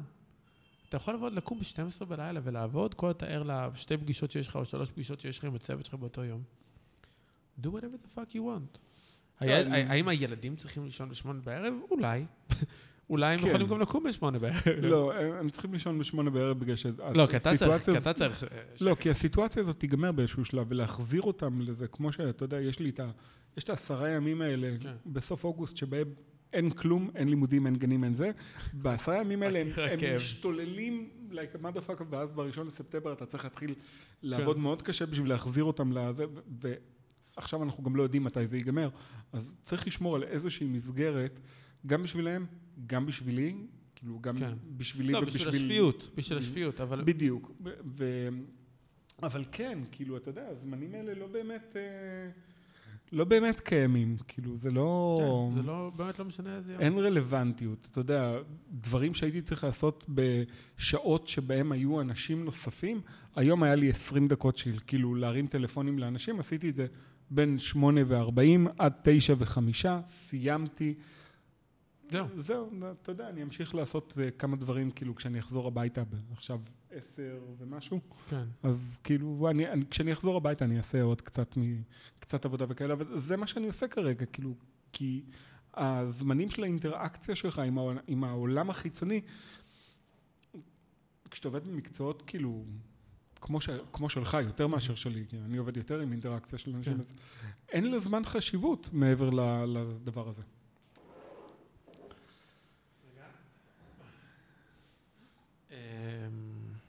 לא. אה, תראה, אני, אני רק חושב על זה עכשיו, שכל התלונות של אוגוסט, נכון, תמיד אומרים, מגיע אוגוסט, מה נעשה? הימים האלה שאין בהם קייטנה, ועכשיו אני אומר לעצמי, דוד, קטן עליך, כן, כאילו, עשרה ימים. לפחות ידעת שיש סוף. אבל כאילו, בחייאת. גם עכשיו, אגב, היום, בחייאת ביבי, לא יכלת לשים את הסגר שבועיים קודם? היינו גם עושים תירוץ על העשרה ימים האלה? גשר פה. אין גשר. כן, האמת שזה הכי, הכי קשה, שכאילו נוחות תקווה. חזרת, התחלת להרגיש. אני זוכר את היום הראשון שחזרו לגן אחרי הסגר של מרץ, אז פגשתי איזו חברה ש... שהבן שלה הוא החבר הכי טוב של, של אמילי, של הבת שלי. והיא אמרה, אני עם קפה טייק אווי. ואני מסתובבת, ואני בדרך לעבודה, ואני מאחרת גם, אבל, אבל אני עם טייק אווי, ואין עליי אף ילד, אף אחד לא מושך לי בשיער, אף אחד לא בועט בי, אני שותה קפה, בקצב שלי. מה זה? מה זה. החופש הזה? זהו, כשהם חזרו ל... לבית ספר, מאי, סוף מאי, משהו כזה, לא. חזרו בית ספר וגנים. בשנים.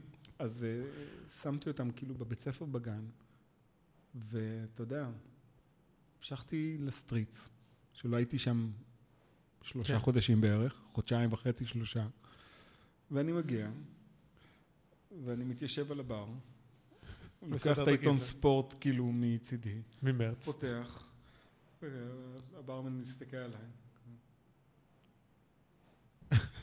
עושה כזה את הסימן של היד של, אוקיי, כאילו. אתה כאן, אני כאן, איזה יופי, לא התראינו שלושה חודשים. Get me my coffee. והקפה הגיע וזה, וכאילו השלושה חודשים האלה לא היו. ויום אחד חזרנו לשפיות. כן. ואז חודשיים וחצי אחרי זה, אתה יודע, לא, אבל אני לא נכון, אני חושב שחזרנו עדיין בטראומה. כולנו עדיין היינו בטראומה קצת. זה כאילו חזרנו לשפיות, חזרנו להרגל, ל... סליחה, למובמנט, לא, רגשית. זה היה קשה. תראה, אני, אני, יושב- אני יושב הרבה, אה, בוקה, נמצא ליד הבית שלי, באחד העם. וזה כנראה המקום הכי הרבה מאומתים. זה מקום שבאמת כל, אין חקירה אפידמיולוגית, אפידמיולוגית שאין שם מישהו שעבר אתה יודע, אני זוכר את הפעם הראשונה שבאתי למראה ואמרתי לה, תקשיבי, יש מישהי בעבודה, שחברה שלה, הייתה ליד מישהו, היה ליד מישהו מאומת, והיא פגשה את החברה, והוא פגש את זה וזה, והיום אכלנו ביחד, והיא נתנה לי ביס מהמזלג שלה, אני חושב ללכת להיבדק. זה- ואז היא אמרה לי, אתה יושב בבוקר 20 דקות, חצי שעה כל בוקר, יש שם כל יום חמישה אנשים מאומתים, מזה אתה מתרגש. אה, זה אני קשה, אבל אתה, חשדן, אתה חשדן, אתה לא יכול, אתה יודע, אתה בא, אני רואה אנשים, ואני כזה, אתה מתחבק, אתה לא מתחבק, זה חיצת זה יד, היה מה יותר מותר? גרוע מזה. אני זוכר את הפעם הראשונה שסגרו את הבוקה ביהודה מכבי. כן, איזה מישהו שהיה חולה, אתה יודע, חולה 60 ומשהו, כן. עוד היה להם מספרים אז, חולה 60 ומשהו, לכולנו בקרוב שם, איזשהו מספרים פה. I'm not a number, I'm a free man. כן. אה, והוא קנה קפה בטייק אווי, והם סגרו את המקום. סגרו להם את המקום, כאילו חברים. היה אצלכם חולה מאומת, עזוב שהוא בא לקחת קפה וזה, היה אצלכם חולה מאומת, לסגור. אבל זה פחד אלוהים. תקשיב, האמת היא שזה קצת לוחמה פסיכולוגית. כי אתה הרי חושב שאתה שומר על מי שלידך, אתה חושב שאתה כאילו... אבל אתה באיזשהו חייב לשחרר את זה. כי אתה לא יודע... זאת אומרת, אני סומך עליך. עכשיו, אני לא יודע ליד מי היית, אני לא יודע מי ממי שאתה היית לידו, אתה סומך עליו. כן, עכשיו, עכשיו תראה, אני בן, אני בן 30... כן, בול. עכשיו, אני בן 33, עוד מעט 34. זה כמעט 34 שנה שבה אני יודע שהשיקול דעת של אנשים הוא פח אשפה. וזה מגיע מקסימום למעגל שני ממך, שיקול דעת על ה... שבעיניך הוא שיקול דעת נכון, אצל מישהו. כלומר, אני סומך עליך, כי אני מכיר אותך הרבה זמן, אני ממש לא סומך על מישהו ממי שאתה סומך עליו כבר כנראה. גם לך יש את החבר שאתה ספק, אתה כאילו... ואתה בס... לא סומך על ההוא, על החבר של ההוא. כן, כן, בכלל. כן, וזה קצת לוחמה פסיכולוגית. מפחד מהזה הרביעי. כן, כן עכשיו זה קצת לוחמה פסיכולוגית, כי אתה כאילו אומר, אוקיי, רגע, יש לי שתיים, שלושה אנשים שאני תמיד פוגש, ואתה יודע, אני אפילו בא לפה, יש חמישה אנשים שמגיעים לספייס הזה פה אה, כל יום, ואני סומך עליהם. אנחנו כל יום פה, כולם נראה שאני שומרים על עצמם. אתה יודע, יש מתוכם שלושה רווקים רווקות. אני לא יודע אם הם פגשו בטינדר אתמול, או שלשום, או שבוע שעבר. אני לא יודע. עכשיו, אתה יודע, הם, הם בסגר שלהם, הם בדרמה שלהם, הם ממשיכים את החיים שלהם. אני לא יודע איפה הם בוחרים להתגמש ברצינות שלהם כלפי החשש מזה. כן. אני, אני אפילו בן סומך עליהם, אני פשוט, אם אני אחשוב על זה, I will go insane. ברור. אה, אם אתה תחשוב על זה, אתה תישאר בבית, תנעל את הדלתות ותשב עם אה, מסכה. כן, אבל מצד שני יש לי ילדה. אני לא אשאר בבית הרבה זמן, אני חייב לצאת מתישהו, לנשום אוויר. לא, האמת היא ש... האמת היא שהאפקט הכי משונה שקורה לי בתקופה הזאת, זה שלמרות שבאמת אני המון, המון זמן אה, בבית עם אמילי, היום, לדוגמה, היום שהייתי איתו מעט זמן, כי היא הייתה בוקר עם חבר ואז הם הלכו אליו, ואני באתי לעבוד, וחזרתי הביתה לפני, לפני הסשן שלנו היום כדי לתת לה חיבוק ונשיקה לפני הולכת לישון. לא יכולתי לוותר על זה. להפך, קורה לי שיש יותר ויותר אירועים בחיים שלה שאני לא רוצה לפספס יותר.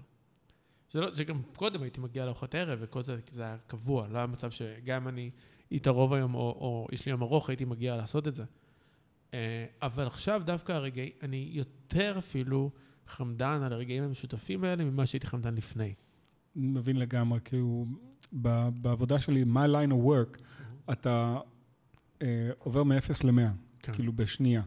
אתה יודע, הייתי בבית כמה חודשים אחרי קופיקס, ואז התחלתי לעבוד, אה, עזרתי לחבר במסעדה שלו, במסעדת בשרים מעושנים כזה בפתח תקווה.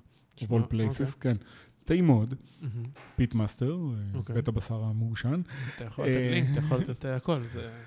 אמ, אנחנו בשעה וחצי, אף אחד לא מקשיב. כן, סביר להניח. והייתי, אתה יודע, מלשבת כל יום בבית עם הילדים, פתאום הייתי חוזר הביתה ב-10-11 כל יום. כאילו, כל יום. נכון, זה באסה. זה, כן, כי כשאתה עושה את המעבר הזה בכזאת מהירות, כן. זה מבאס נורא. אז... ואז בחזרה מ-100 ל-0, כן? כן? אז אתה יודע, פתאום אתה עוד פעם, איתם, כאילו מהבוקר עד הלילה. כן. אתה מתעורר בבוקר, יש ילד אחד עם אה, יד ככה על המצח, ועוד ילדה ששמה את הראש שלה על הרגליים. כאילו, ככה כן. אני מתעורר בבקרים. הם פשוט מגיעים אלינו. זה, זה כיף כיף. תקשיב, אתה, תזכור שיש לך שמונה עד תשע שנים כאלה. עשר, אם יש לך מזל. ואחרי זה הם לא רוצים לראות אותך לעוד עשור. כשהם צריכים כסף, כי הם צריכים כסף משמעותי.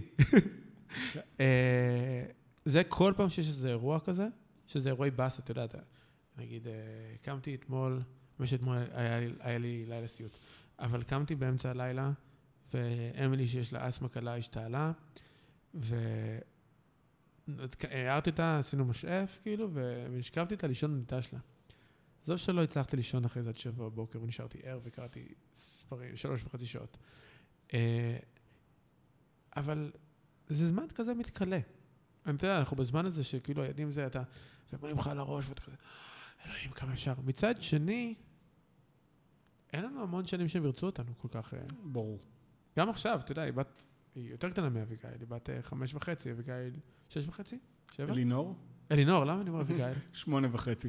אלינור, כי למה? זה זה שמות מאוד אה, קרובים. שמונה זה וחצי? לא פעם ראשונה שזה קורה.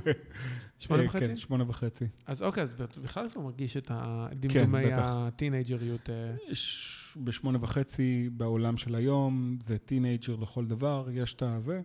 מדי פעם אני מצליח לתפוס אותה כאילו ב... ב... התרפקות ילדית. כן, כאילו... בואי בואי, אני, אני רוצה חיבוק. כן. ולפעמים זה עובד לי, וכאילו היא באמת מגיעה והיא פחות מודעת ל...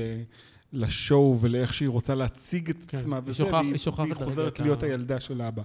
כן. וזה כיף. ומיכאל הקטנצ'יק, אז הוא, הוא לגמרי כאילו ילד, אה, ילד של חיבוקים, אז אתה יודע, כן. מזה אני עדיין נהנה בגיל הזה. כן, אבל, אבל כן, זה, אין לנו המון שנים של זה. אין המון שנים של זה. אין המון שנים, ואתה יודע מה, אני, אני מסתכל כאילו על ה... אז זה הופך להיות עמוק. אני מסתכל על היחסים שלי עם אבא שלי, נניח. היחסים שלי עם אבא שלי חוו המון עליות וירידות במשך אה, חיינו. ורק בתקופה האחרונה אה, התחלנו להכיר יותר בדבר הזה. כאילו, בוא נגיד מגיל 17 עד 30 כמעט ולא דיברנו. וואלה. אוקיי. כמעט ולא. אתה יודע, ההורים שלי גרושים, לא, לא גדלתי איתו בבית וזה. גיל 17 עד 30 כמעט ולא. גיל 30 היה כזה התקרבות, אבל עוד פעם הלכנו איש איש לדרכו. מהמם. ורק ממש בשנה האחרונה אה, חזרנו להיות, אה, חזר להיות איזשהו משהו כאילו אמיתי. אה, אבא שלי נכנס לבית חולים בנובמבר שנה שעברה. בשביל לעשות צנתור. אתה יודע, מהסוג שאתה מגיע בבוקר ובבוקר שאחרי הולך הביתה. מהמם. אמרו לו, טוב, נשמה, אתה צריך להישאר כאן לניתוח מעקפים משולש. וואו. כן, אז יצא שהיינו חודש כאילו בבית חולים כל יום. ואתה יודע, אז, אז יום אחד לקחתי אותו הביתה, אה, לקחתי אותו הביתה מהבית חולים בשביל לקחת דברים וזהו. מהמם. ובסוף אותו יום אני אומר לו, אתה יודע, כאילו, זה הפעם, היום, שהיינו הכי הרבה ביחד מאז שגרנו ביחד. וואו. כן, ו- ואני אומר לך את זה בתור, כאילו הייתי בן 45, אה, לפני קצת פחות משנה. והוא אמר לי, וואלה. ומאז קורה כאילו משהו שלא קרה, אתה יודע, אף פעם. ושוב, 45 שנה. אנחנו מדברים כל יום. כל ערב באותה שעה הוא מתקשר אליי. תמיד כשאני עושה משהו אחר, כאילו ברור. זה. אני יכול להיות פנוי כל היום. ברגע שאני אעשה משהו, אני יודע שאז אבא שלי יתקשר אליי, אבל כאילו, אתה יודע, זה... ואני מסתכל, כאילו, אני בתור בן, על הזמן שהלך לאיבוד, ואני מסתכל בתור אבא על הילדים שלי, ואני מקווה שהזמן הזה לא ילך לאיבוד איתם בתור הורה. כן. כי אני, אני הפסדתי המון בדרך. ואני לא רוצה להפסיד את זה עוד פעם מהצד השני. אני חושב שיש לנו אבל הרבה יותר מודעות. כאילו... ברור שיש הרבה יותר מודעות, אתה יודע, גם... אבל השאלה זה אם הילדים ירצו, כאילו, האם אתה מצלצל והילדים שלך רוצים לדבר איתך באותו רגע, או שתמיד יש להם משהו יותר. זה כמו uh, The Cats in the Cradle, השיר הזה. אח שלי תמיד היה מסו... כל- פעם שהייתי אומר לאח שלי, כאילו, תשמע, אני לא יכול לדבר איתך עכשיו, אתה עושה לי קצן לקרדיט, לא? כן, כי זה... אתה יודע, אבל זה צריך איזשהו wake-up call. אני זוכר שמעתי את ג'ורדן פיטרסון מדבר על זה, והוא אמר שהוא דיבר על ההורים שלו לדעתי, או ההורים של... כאילו, הוא אמר, אם אתה גר בארצות הברית ואתה רואה את המשפחה שלך רק בחגים, רוב הסיכויים שאתה עושה חג אצל ההורים שלך, חג אצל ההורים של אשתך כזה. אה, להרבה אנשים, נגיד שההורים שלך הם אה, בני 60, לא יודע, עכשיו ממוצע, אה, יש להרבה מאוד אנשים, בערך בין 20 ל-25 מפגשים עם ההורים שלהם שנשארו. אם, אתה, אם ההורים שלך עכשיו נגיד בני 60, ואתה גר בניו יורק והם גרים ב... לא יודע, ב-LA, ואתם נפגשים רק בחגים, חג אחד פה, חג אחד שם, עם ההורים של הבת זוג שלך, בן זוג שלך, כל אחד ושלו. אז אתה יכול לספור, כאילו, את כמות הפעמים שתראה את ההורים שלך. אתה תראה אותם ממוצע 20, 25 פעמים. זה, זה כאילו העניין בלגור במרחקים כמו בארצות הברית, אתה נכון. יודע, כאן... כן. לא, כאן... כאן 20 דקות מאימא.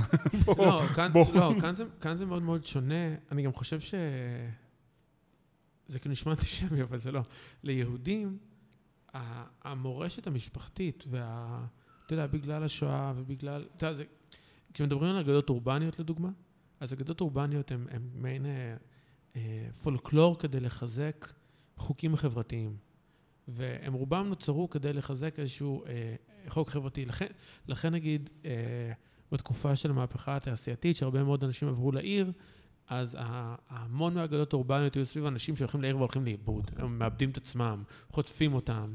כאילו, אם אתה... כי... או, או, או על מופקרות, כי, כי נגיד בכפר כולם הכירו את כולם, ואתה ואני שמענו אחד על השני, הרי אני לא אבייש את עצמי מולך, כי אנחנו מכירים אחד את השני, ובעיר זה מאוד זר. ואז כן. המון אגדות אורבניות היו סביב זה. ביהדות המון מהאגדות האורבניות הן סביב המשפחה ולאבד את המשפחה. אה, שכחו את הסבתא ונעלמה מהאוטו, כל מיני דברים כאלה. ובגלל זה אני חושב שבכללית, ב- ביהדות, וכיוצא פועל מזה מאוד מאוד בישראל, אז הקרבה ולפגוש את הבני משפחה והחשיבות של, אתה יודע, ש- שזה לא כמו סרטים אמריקאים שהם נפגשים for Thanksgiving, כן. אלא שיש איזה ליכוד מאוד מאוד... Every other Thanksgiving. every other Thanksgiving. הליכוד והחשיבות של ה... אה, לשים לב למשפחה שלך הוא מאוד מאוד גבוה. להלן 20 דקות מאימא, או זה. ויש לנו איזשהו דור ביניים. אני חושב ש... יש מזל, אבא שלי הוא מאוד מאוד, לא כזה. כלומר, יש לי מאוד אה, חם ואוהב. אה, אין לי תקופה שאני מסתכל ואומר, היינו ביחסים פחות טובים. גם לא עם אימא שלי. אני חושב שהדבר היחיד שהשתנה זה שהייתי מאוד ילד של אימא ונהייתי מאוד ילד של אבא. ככל, ש... ככל שגדלתי. כאילו... אה, אבל כן, כאילו, זה זמן שאתה אומר לעצמך, האם אני מנצל אותו נכון? האם אני עושה את המקסימום שלי בו? שאלה קשה. כן, יש אבל גם, אם תסתכל, אם אני Mhm. אסתכל, כאילו על, ה, על ההבדלים בין, בינינו, אתה, אתה התחלת את התא המשפחתי שלך מהמם. בגיל הרבה יותר מוקדם ממני. כן. אני, המעבר שלי למסעדנות, חלק מה, מהאהבה שלי לדבר הזה, זה שזה לוקח לך את כל הזמן. ואני תקופה מאוד ארוכה חייתי, כאילו, אתה יודע, בתוך הדבר הזה, שבה אני מעלים את עצמי מכל ה, כל העולם, מהמם. ותובע, כאילו, בתוך העבודה שלי, ו, והיה לי כיף בזה, כאילו, נהניתי מזה. אתה יודע, אם אימא שלי הייתה רוצה לראות אותי, הייתה באה, ל... באה לאכול באחד במסעדות שעבדתי בהן.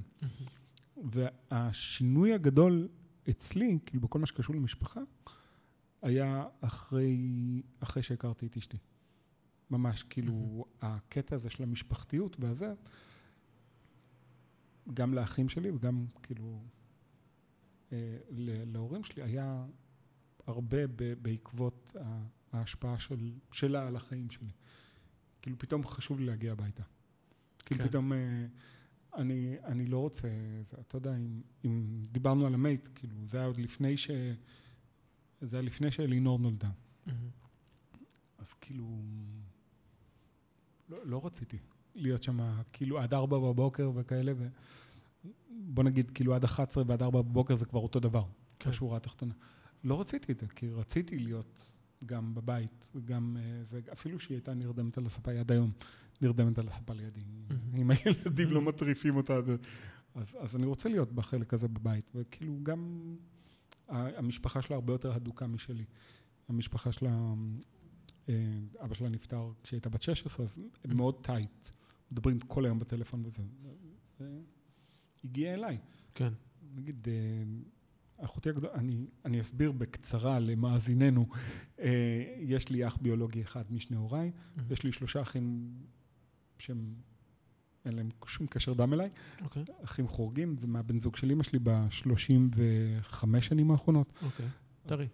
אז, בדיוק, טרי לחלוטין, וזה זה כאילו הם, אחד מהם למד איתי בכיתה בתיכון, כאילו למדנו לא באותה שכבה, בזה, באותה כיתה פיזית. וואלה. למדנו ביחד בתיכון, עוד אחת גדולה בשלוש שנים ועוד אחד אה, צעיר.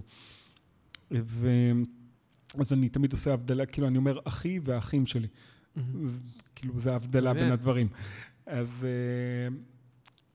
אה, אחותי הגדולה תמיד אומרת למירב שכאילו, היא זאת שהביאה אותי למשפחה מהמם. שלה, בעצם. כן. למשפחה שלי, כן, היא הביאה אותם. אז זה, זה כאילו, זה העניין, וזה חלק, מה, נראה לי שזה חלק מהעניין, כאילו, גם עם אבא שלי בסיפור הזה. כאילו, יש שם מורכבות מאוד גדולה, מן הסתם. כן, obviously. כן, האמת שגם אצלנו אני חושב שזה ככה. אני חושב ש... כן, אני חושב שגם אצלנו אז מריה מתקשרת עם ההורים שלי ברצוף יותר ממני. וואי, אימא שלי מתקשרת אליי רק אם אה, מירב לא עונה לה. כן, כן.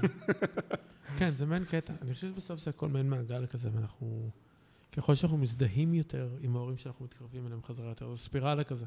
אתה מתחיל איתם בתור איזה אחד, ואתה חייב להיפרד ולפתח את עצמך, וכשאתה מתקרב אליהם חזרה יותר, ואתה כאילו קצת כמוהם, עם טיפה שוני. אתה משליך כאילו. את היחסים שלך עם הילדים שלך, על היחסים שלך עם ההורים שלך, כאילו ב- בכיוון ההפוך. כן. אתה כאילו מתחיל להסתכל בעיניים שלהם על מה שהוא עושה, על מה שאתה עשית. זה כאילו מביא איזשהו חשבון נפש. אני, אלא. אני, אני ביום... אה, שבוע שעבר זה היה, אני כבר לא זוכר. השנה. אה, ב-2020. ב-2020. אז ההורים שלי באו לבקר אותנו, ואמילי רצה אליהם והתחבקו, ואז שמעתי את אימא שלי מדברת איתה. זאת אומרת, יש לו משפטי חיבה האלה, בחיבוק. והבנתי שהיא אומרת, זה אותו רצף משפטים שאני אומר לאמילי, אחד לשני, כאילו אחד, אחד, אחד, אחד, אותם משפטים בול, אותו רצף, ועד אותו רגע לא הבנתי שזה בדיוק אותם משפטים. ברור, אני מראה את זה, אני לא יכול, אני, אני לא רואה את זה על עצמי. כאילו, אני, אני לא רואה את זה על עצמי, קשה לי, מהמם. כאילו, לראות על עצמי את ההתנהגות של ההורים שלי, כאילו, מול הילדים. כי אני גם לוקח את זה למקום שלי ברמה הזאת. אבל נניח על אשתי, אני רואה את זה כל הזמן. כאילו, אני רואה את ההתנהלות של אמא שלהם, אני רואה את, את ההתנהלות שלה, ואני רואה כאילו המון קווים מקבילים וזה, וכאילו, קשה לה להכיר בזה שיש איזשהו דמיון שם. אני כן. מניח שגם אצלי יש איזשהו דמיון, ואני לא... אני חושב שאם אנחנו מכירים בדמיון, אנחנו צריכים להכיר גם בכל החרא שעברנו. לאו דווקא בגלל ההורים שלנו, אלא פשוט כבני אדם. כן. כי אם אתה מרגיש שזה כמו מינימי וזה הגדול שלך, אתה אומר לעצמך, הילד הזה שאני כל כך אוהב עומד לעבור את אותו חרא שאני עובר. אה, כאדם אה, בעולם, לא, לא, לא קשור להורים שיש לנו. הידיעה הזאת נמצאת כאן, ומוכבדת טוב טוב כדי שנוכל לשרוד כל יום. כן. אני, אתה יודע, הם, הם קטנים, שני הילדים. כן. יש לי עוד אחד גדול, אתה יודע, נכון? יש לי עוד אחד מסיבוב קודם. נכון, נכון, נכון, נכון, נכון, נכון. כבר כן בן יודע את זה. 23. oh my god. כן. אה. כן. סתם לא. כן. הצערתי את עצמי. הוא עוד מעט בגילי. אה, אבל אה, אני בידיעה שהם הולכים לעבור כל כך הרבה חרא, וזה, זה, כאילו, זה נמצא שם בראש, ברור לי, וזה מטריד אותי, אבל אני מנסה לעבור את זה, אתה יודע. בעיניי 23 הוא עבר את רוב החרא שאני פוחד ממנו. הוא כן, הוא כן. הוא כבר אה, אני, עבר מצחיק. את הרוב. אני יותר מפחד, הוא כבר מגיע לחלק הכיפי. כן, כן, זה, איזה קטע, אני ממש חושב על זה שאני יותר מפחד מגילאי 6 עד 20, ממה שאני מפחד מ-20 והלאה. כן, ברור, זהו, אתה fucking כבר... מערכת You're a grown man. לא, אבל זה, אבל זה גיל, זה מערכת החינוך, זה, גיל ההתבגרות, מה מזה כל כך עושה לנו ג'יף? זה מערכת החינוך. לגמרי, מאה אחוז. לא מערכת החינוך כמערכת לא, להיות החינוך, אלא בבית ספר, כל מה- בהיררכיות כן. של הבית ספר, בדיוק. ומגניב, לא מגניב. מגניב לא מגניב, כן. בדיוק, זה זה מה שמטריד. לא הייתי אני- מגניב, לא הייתי מגניב. עד היום אני לא מגניב, אבל אז הייתי לא מגניב בבית ספר, שזה לא מגניב הכי גרוע שיש. פה לפחות אני יכול לקרוא לזה הייתי לא מגניב כשזה היה לא מגניב. כן, כן, לקח לי שנים. למצוא את הז'אנר שלי של היפסטרים. שכולם כל כך לא מגניבים ביחד, שאני מתאזן בסדר. לא, אבל נראה שהבת שלי יותר מגניבה ממני. יותר מגניבה ממני. אה, מקווה, עבורה. ממש אני- מקווה אני. יודע שאלינור כאילו לא, היא הרבה יותר מגניבה ממני, כאילו היא הרבה יותר קולית ממני. היא תהיה גם, אה, זה, ברור לי, כאילו היא ה-center of attention כל פעם שנכנסת לחדר, אז כאילו... כי אתה גם, כי אתה יודע שיש לה את ה-DNA קצת של הבת זוג שלך, ואתה אומר לעצמך, זה הציל אותה, נכון? אני ככה לפעמים מרגיש. לא. לא? אני לא. לפעמים מרגיש, אני יודע אני ש... חושב שהיא לקחה כאילו את הטוב מ- משנינו. אז אני חושב שלקחה את הטוב ממני, אבל אני יודע שיש מצ... אני יודע כמה נוירוטיות היא גם לקחה ממני, אני רואה את זה, ומצד שני יש לה חדות שיש למריה נגיד שלי אין, ויש לה קולנס לפעמים שלמריה שאין, ויש לה איזשהו משהו שאנשים מאוד אוהבים, שלמריה יש ולי אין. אה, אז אתה יודע, אני כאילו אה, מקווה בשבילה שהיא... לא יודע, לא יודע, זה מפחיד, זה מפחיד. אני, אתה יודע, בדיוק אתמול... אה, המחשבה על הילדים בעצם מפחידה, כי אין לך... אין לך שליטה, אתה לא יכול לגונן על זה. אין לנו בדיוק שליטה לא. על מה- מה הולך להיות להם. כמו שלהורים שלנו לא באמת היה שליטה על מה שקורה נכון. לנו. נכון. כאילו, איזו שליטה הייתה לאימא שלי עליי? אני הייתי ילד פרוע מאוד, כאילו... לא הייתי ילד פרוע מאוד, בוא, בוא, בוא נשים את זה, הייתי כאילו די אה, חנון ב, ב, במקומי, אבל כאילו, אבל בתוך היה לי... החנונים, I kicked ass. אבל הייתי, היה לי את הרצון שלי, ותמיד הייתי כאילו מאוד, כן. זה מה שאני רוצה, וזה מה שיקרה. ואני יודע שביום שהבת שלי תגיד לי את זה, והיא תגיד לי את זה, אז... אז אני לא יודע, אני לא יודע, אני רוצה לחשוב שאני- אהיה הורה שהוא אונט ומגניב וסבבה, ובו זמנית מעולם לא הייתי אונט, מגניב וסבבה. אז, אז אה, לא יודע, אני כאילו מקווה שבתור מבוגר אני מגניב של ילדים. אתה מבין את הכוונה? יש לי קעקועים וכל זה, אני אומר לעצמי, כאילו, אולי זה, אתה יודע. למרות שאני חושב שבדור של, שלה, זה כבר קעקועים לא היה מגניב. כולם יהיו ממש straight edge נקיים כאלה, או רובוטים, אחד מהם. אבל... אה, אני חושב שזה, שזה, שלשם זה הולך, כאילו ל straight edge? כן, אה, היינו לפני כמה זמן, הייתי במסיבה של חבר אה, שהוא יותר מבוגר ממני, והוא גם, אתה יודע, הוא מאלה שמכיר את הבעלים של כל המקומות, ה... כל חיי הלילה לשעבר, והמתקלט והזה. והילדים שלו, שהגדולה היא בת אה, 13, ויש לו אחרי זה בן 12, ואז אחד בן שמונה וחצי, מסתובבים שם, וכולם שם הרבה עם איזשהו ג'וינט, או עם הקעקועים שלהם. מוזיקה אלקטרו צרפתי, השעה שלוש בבוקר כבר, מפרקים איזה ארון אלכוהול מאוד מאוד יקר, והילדים שלהם מסתובבים שם, שעה שלוש בבוקר, והם כולם סבבה עם זה. זה לא איזה מקרה מיוחד. הילדים שלו מגניבים בטירוף, יותר מגניבים ממני, הם גולשים, יש להם טעם מעולה במוזיקה, באמת, זה בן אדם שאני מעריץ את איך שהם גידלו את שלושת ילדיהם, הוא ואשתו. ואמרתי, חשבתי לעצמי, הייתה גם איזו שיחה קצרה, אז איך אתה מתמרד? איך כן, אתה מתמרד? מה אתה עומד לעשות? כאילו? מה- כאילו, מה אתה עומד לעשות? להיות ילד ממש טוב? אה, לא יודע, לרצוח מישהו? זהו. אני, אין, לך הרבה לקיצון השני שאתה יכול ללכת אליו. תראה, אני, אני, חושב, אני חושב שחוץ מהעובדה שיש לנו דור מאוד קיצוני כרגע, כאילו, אה, הנוער מסוגל להרבה דברים יותר קיצוניים נראה לי ממה שאנחנו מסוגלים, והמציאות יותר קיצונית בהכל, זה דור מאוד משעמם מבחינת המצאה. אני חושב שהם הם כאילו די חוזרים לאותה רוטינה, רק יותר קשה. תסביר. כאילו... אני מנסה עכשיו, אני, א', אני מנסה עכשיו, אני מאמין עד הסוף במה שאני אומר תוך כדי, ואני מנסה רגע להכיל את זה ולעכל את זה. אה, אני חושב על הדור של ה-60's, של ה-free love וכל זה. הדור הזה כבר הרבה יותר קיצוני מהדור שיש לנו עכשיו. כן, אנחנו הרבה יותר בורגנים מהם. לא, אני, על נוער, הנוער של היום, אתה יודע, הכל נוח להם. הם לא יודעים לעשות משהו שהוא לא נוח. או שהוא לא קל, או שהוא לא... הם מאוד מתוסכלים, מאוד ילדותיים. הם לא יודעים... לא יודע, אני אומר את זה בחשש, כי אני לא בדור הזה, כן? אבל אני רואה את זה מהצד, ואני חושב לעצמי, אין, אין מוזיקת מחאה. הכל מאוד קונפורמיסטי. כן, גם- כשמסתכלים על אביב גפן בתור זמר מחאה, עדיין, אביב גפן כן. הוא הזמר מחאה הכי גדול, אתה יודע, אני שמעתי עכשיו את האלבום של אה, הגל השני, של רועי ריק, וזה מעין אה, סופר, כזה super group כזה, ויש אה, גלעד כהנא שם, ולולה מרש, אם אני לא טועה, ומלא מלא להקות שונות, וזה אלבום כפול מחאתי נהדר, מחאתי פוליטי. אבל לדור הזה אין מחאה. כאילו, סטטיק ומנהל זה מוזיקה ילדים בני שש שומעים אותה. עכשיו, עזוב שהמילים מחפירות, כן? כאילו, אבל אין פה, ש... ואנחנו בתקופה עכשיו הכי פוליטית, הכי סוערת. כן, ואת מי אה. הביאו לשיר המחאה כאילו הזה? את שלום חנוך ואת טונה. בדיוק, בדיוק. עכשיו, שטונה, הוא אגב, הוא שיר, הוא שיר המחאה, הוא הבורגני המוחה הכי טוב שיש.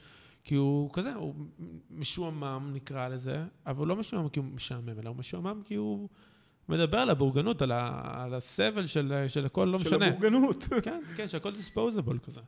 ואני חושב על זה ש... יודע, גם בארצות הברית, עדיין האלבום מחאה, בזמנו כשהיה את בוש, אז יצא אלבום של אה, ניל יאנג, אה, כמובן שהקלטנו בזה שבע דקות, אה, 100 אנשים, סולו גיטרה של 15 דקות. לא, יצא את Living with War של ניל יאנג, יצא American Idiot של גרין דיי, ועכשיו אין כלום. אף אחד לא מוחה על כלום. חכה, לך עוד אחורה. ב- לא, בתקופת- בכלל. אתה מדבר על בוש השני או בוש הראשון? הראשון, השני, אני אומר לך, כאילו, אה. אני אומר, זה ה latest שזה היה איזשהו מרד.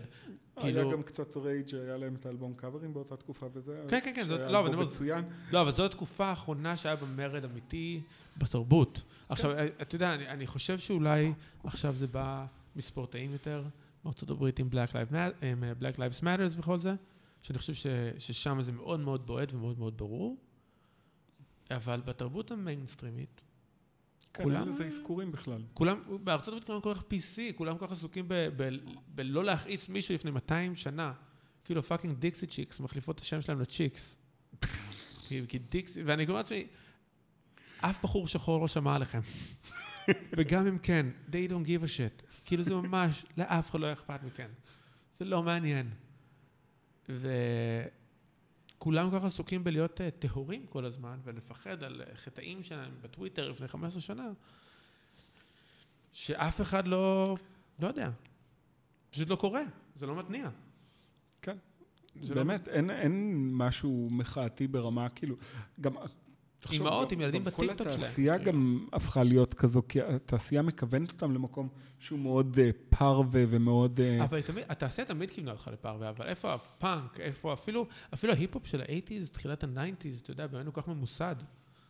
אני לא יודע, תראה, בטוח, בטוח, בטוח יש מלא מוזיקה שאנחנו פשוט לא מכירים. כי התעשייה אה, מכווננת אותך תמיד כאילו לשמוע את. הזה. אנחנו זקנים. לא, אנחנו לא מכירים דברים הכי מגניבים יותר. ברור. שלא. תקשיב, היה לי את זה את- אתמול, איזה אה, מישהי שאני מכיר, שעבדה אצלי פעם, אה, אמרה, העליתי את הפלייליסט הכי טוב שיכלתי לעשות לספוטיפיי, ושמה לינק, אמרתי, אוקיי, בוא. נראה, היא כל כך גאה בפלייליסט הזה, בוא בוא נראה. הכניסה ספוטיפיי, 20 שירים, לא מכיר אף שיר, אף אומן. נאן. כאילו כן, אפס. אנחנו שם. אנחנו ואני שם. מסתכל, אתה יודע, בספוטיפיי, על על הדברים שאני שומע, אין שם שום דבר שיצא אחרי 2000. אצלי כלום. זה 2008. לא, אצלי יש, יש, אבל זה להקות שזה כנראה איכשהו קשור, או שיש לי כל מיני פיקים שאמרתי, אני חייב לחזור עוד פעם לשמוע מוזיקה, ואז אני כזה פתאום אוהב את אה, קנדריק למר השני, את דאם, לא את השני. אני יותר אוהב את זה שלפניו. את To Pimp a Butterfly. כן. אז אבל הם שניהם מעולים. הם שניהם מעולים. אני עכשיו חזרתי מלא לפאנק בסגר האחרון. לקרטיס מייפילד הראשון, ולסטיבי וונדר קצת, צורה משעשעת, אני רץ עם פלייליסט פאנק כזה. וואלה. כן, סטיבי וונדר ו... הגעתי עכשיו למסקנה שהפאנק הזה זה כאילו המוזיקת רקע בבית שהיא תמיד סבבה. כאילו כולם סבבה עם פאנק. כן, ניסיתי. אני... עיקר המשחק שלי בספוטיפיי כרגע זה באמת ליצור פלייליסטים, למצוא פלייליסטים למקדש הזה של הריצה שאני עושה את השלוש פעמים בשבוע, כן. כן. בוא, בוא נגיד מרתון, עלק. אני אתמול גמרתי שבע קילומטר, זה לא רע שזה... כמעט כאילו מתתי. בסדר, אבל לא רע. אה, עיקר העבודה שלי, אה, עבודה, עיקר המשחק שלי בספוטיפיי זה באמת למצוא את הפלייליסטים. אמרתי לעצמי, אוקיי, בוא בוא נעשה דברים שאני מכיר וזוכר מ- מהתקופה שהייתי מגניב וזה. ג'פרסון איירפליין White Rabbit. לא, אמרתי, אוקיי, בואו בוא נשמע אורביטל, וקימיקל בראדרס, ופיוצ'ר סאונד אוף לונדון, ואני כזה, וואו, תקשיב, זה ממש רע. כאילו, פיוצ'ר סאונד אוף לונדון זה ממש זה פעם. כאילו, Chemical זה- Brothers זה זה ממש רע. פכפוך של מים, וקימיקל בראדרס, כאילו, לא, טובים, זה עדיין טוב. וניסיתי, אתה יודע, ניסיתי, כאילו, פרופלו הדס, ו... ו- ו- אמ, כל מיני הרכבי breakbeat כאלה של זה, אתה יודע איזה אלבום, זה. רגע, אני- אני אזכור עכשיו את השם שלו. אתה יודע איזה אלבום התיישן בצורה מדהימה בעיניי? אה, fuck, איזה שם זה של דאפט פאנק? Celebration? לא. רגע, רגע, רגע, רגע, רגע.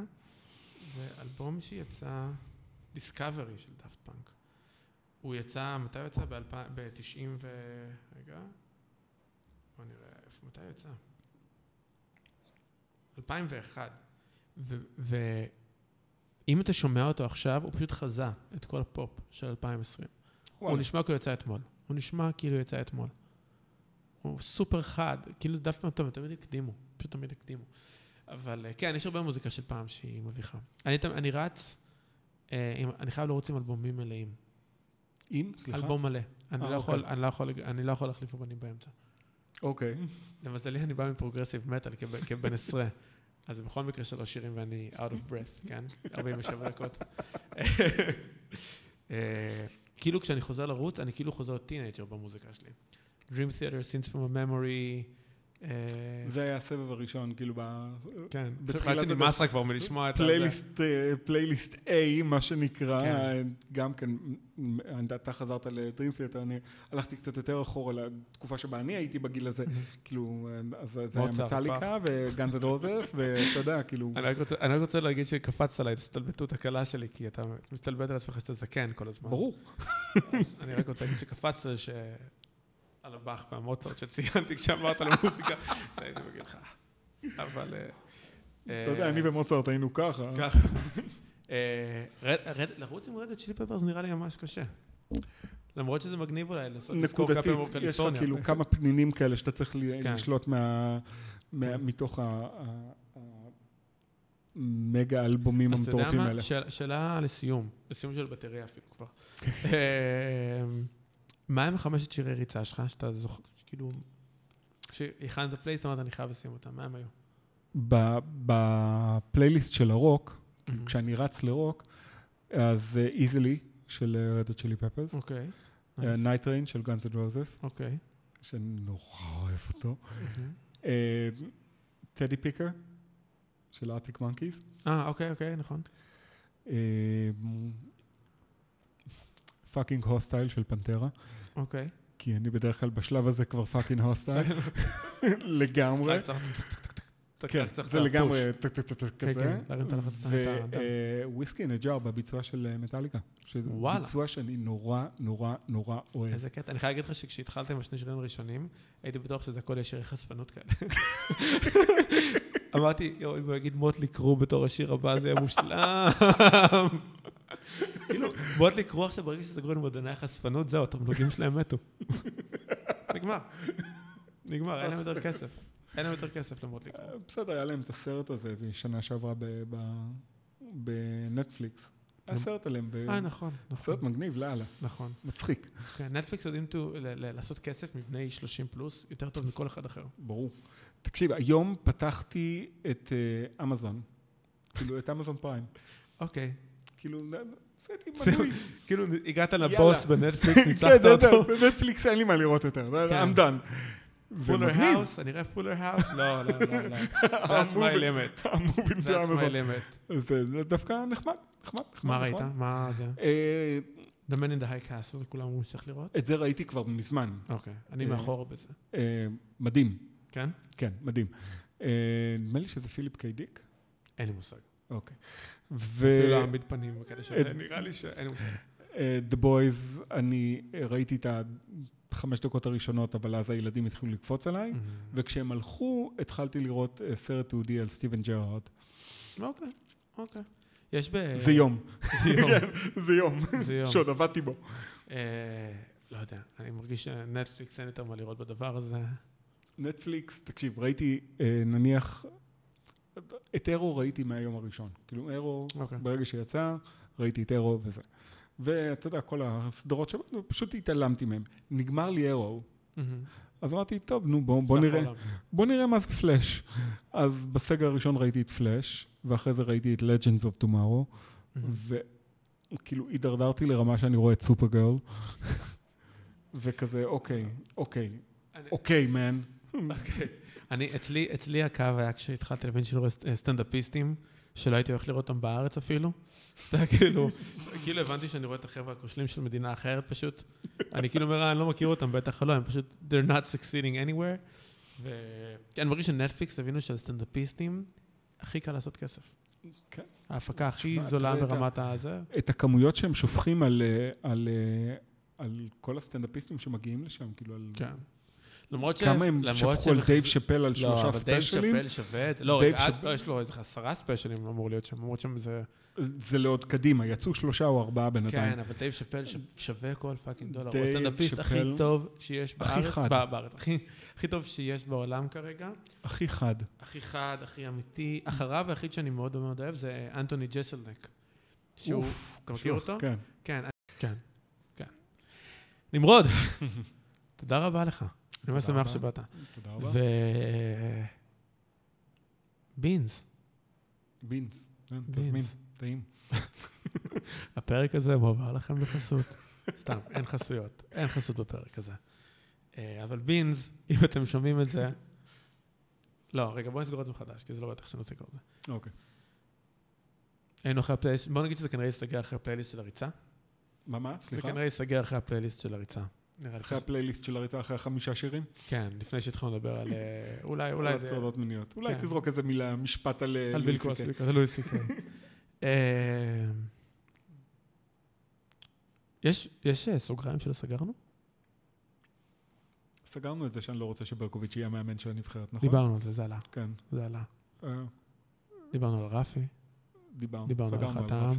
דיברנו על חתם, כן. דיברנו על הקורונה והמסעדנות, דיברנו הרבה על הקורונה ועל מסעדנות. ועל הורות, כן. ועל ביבי.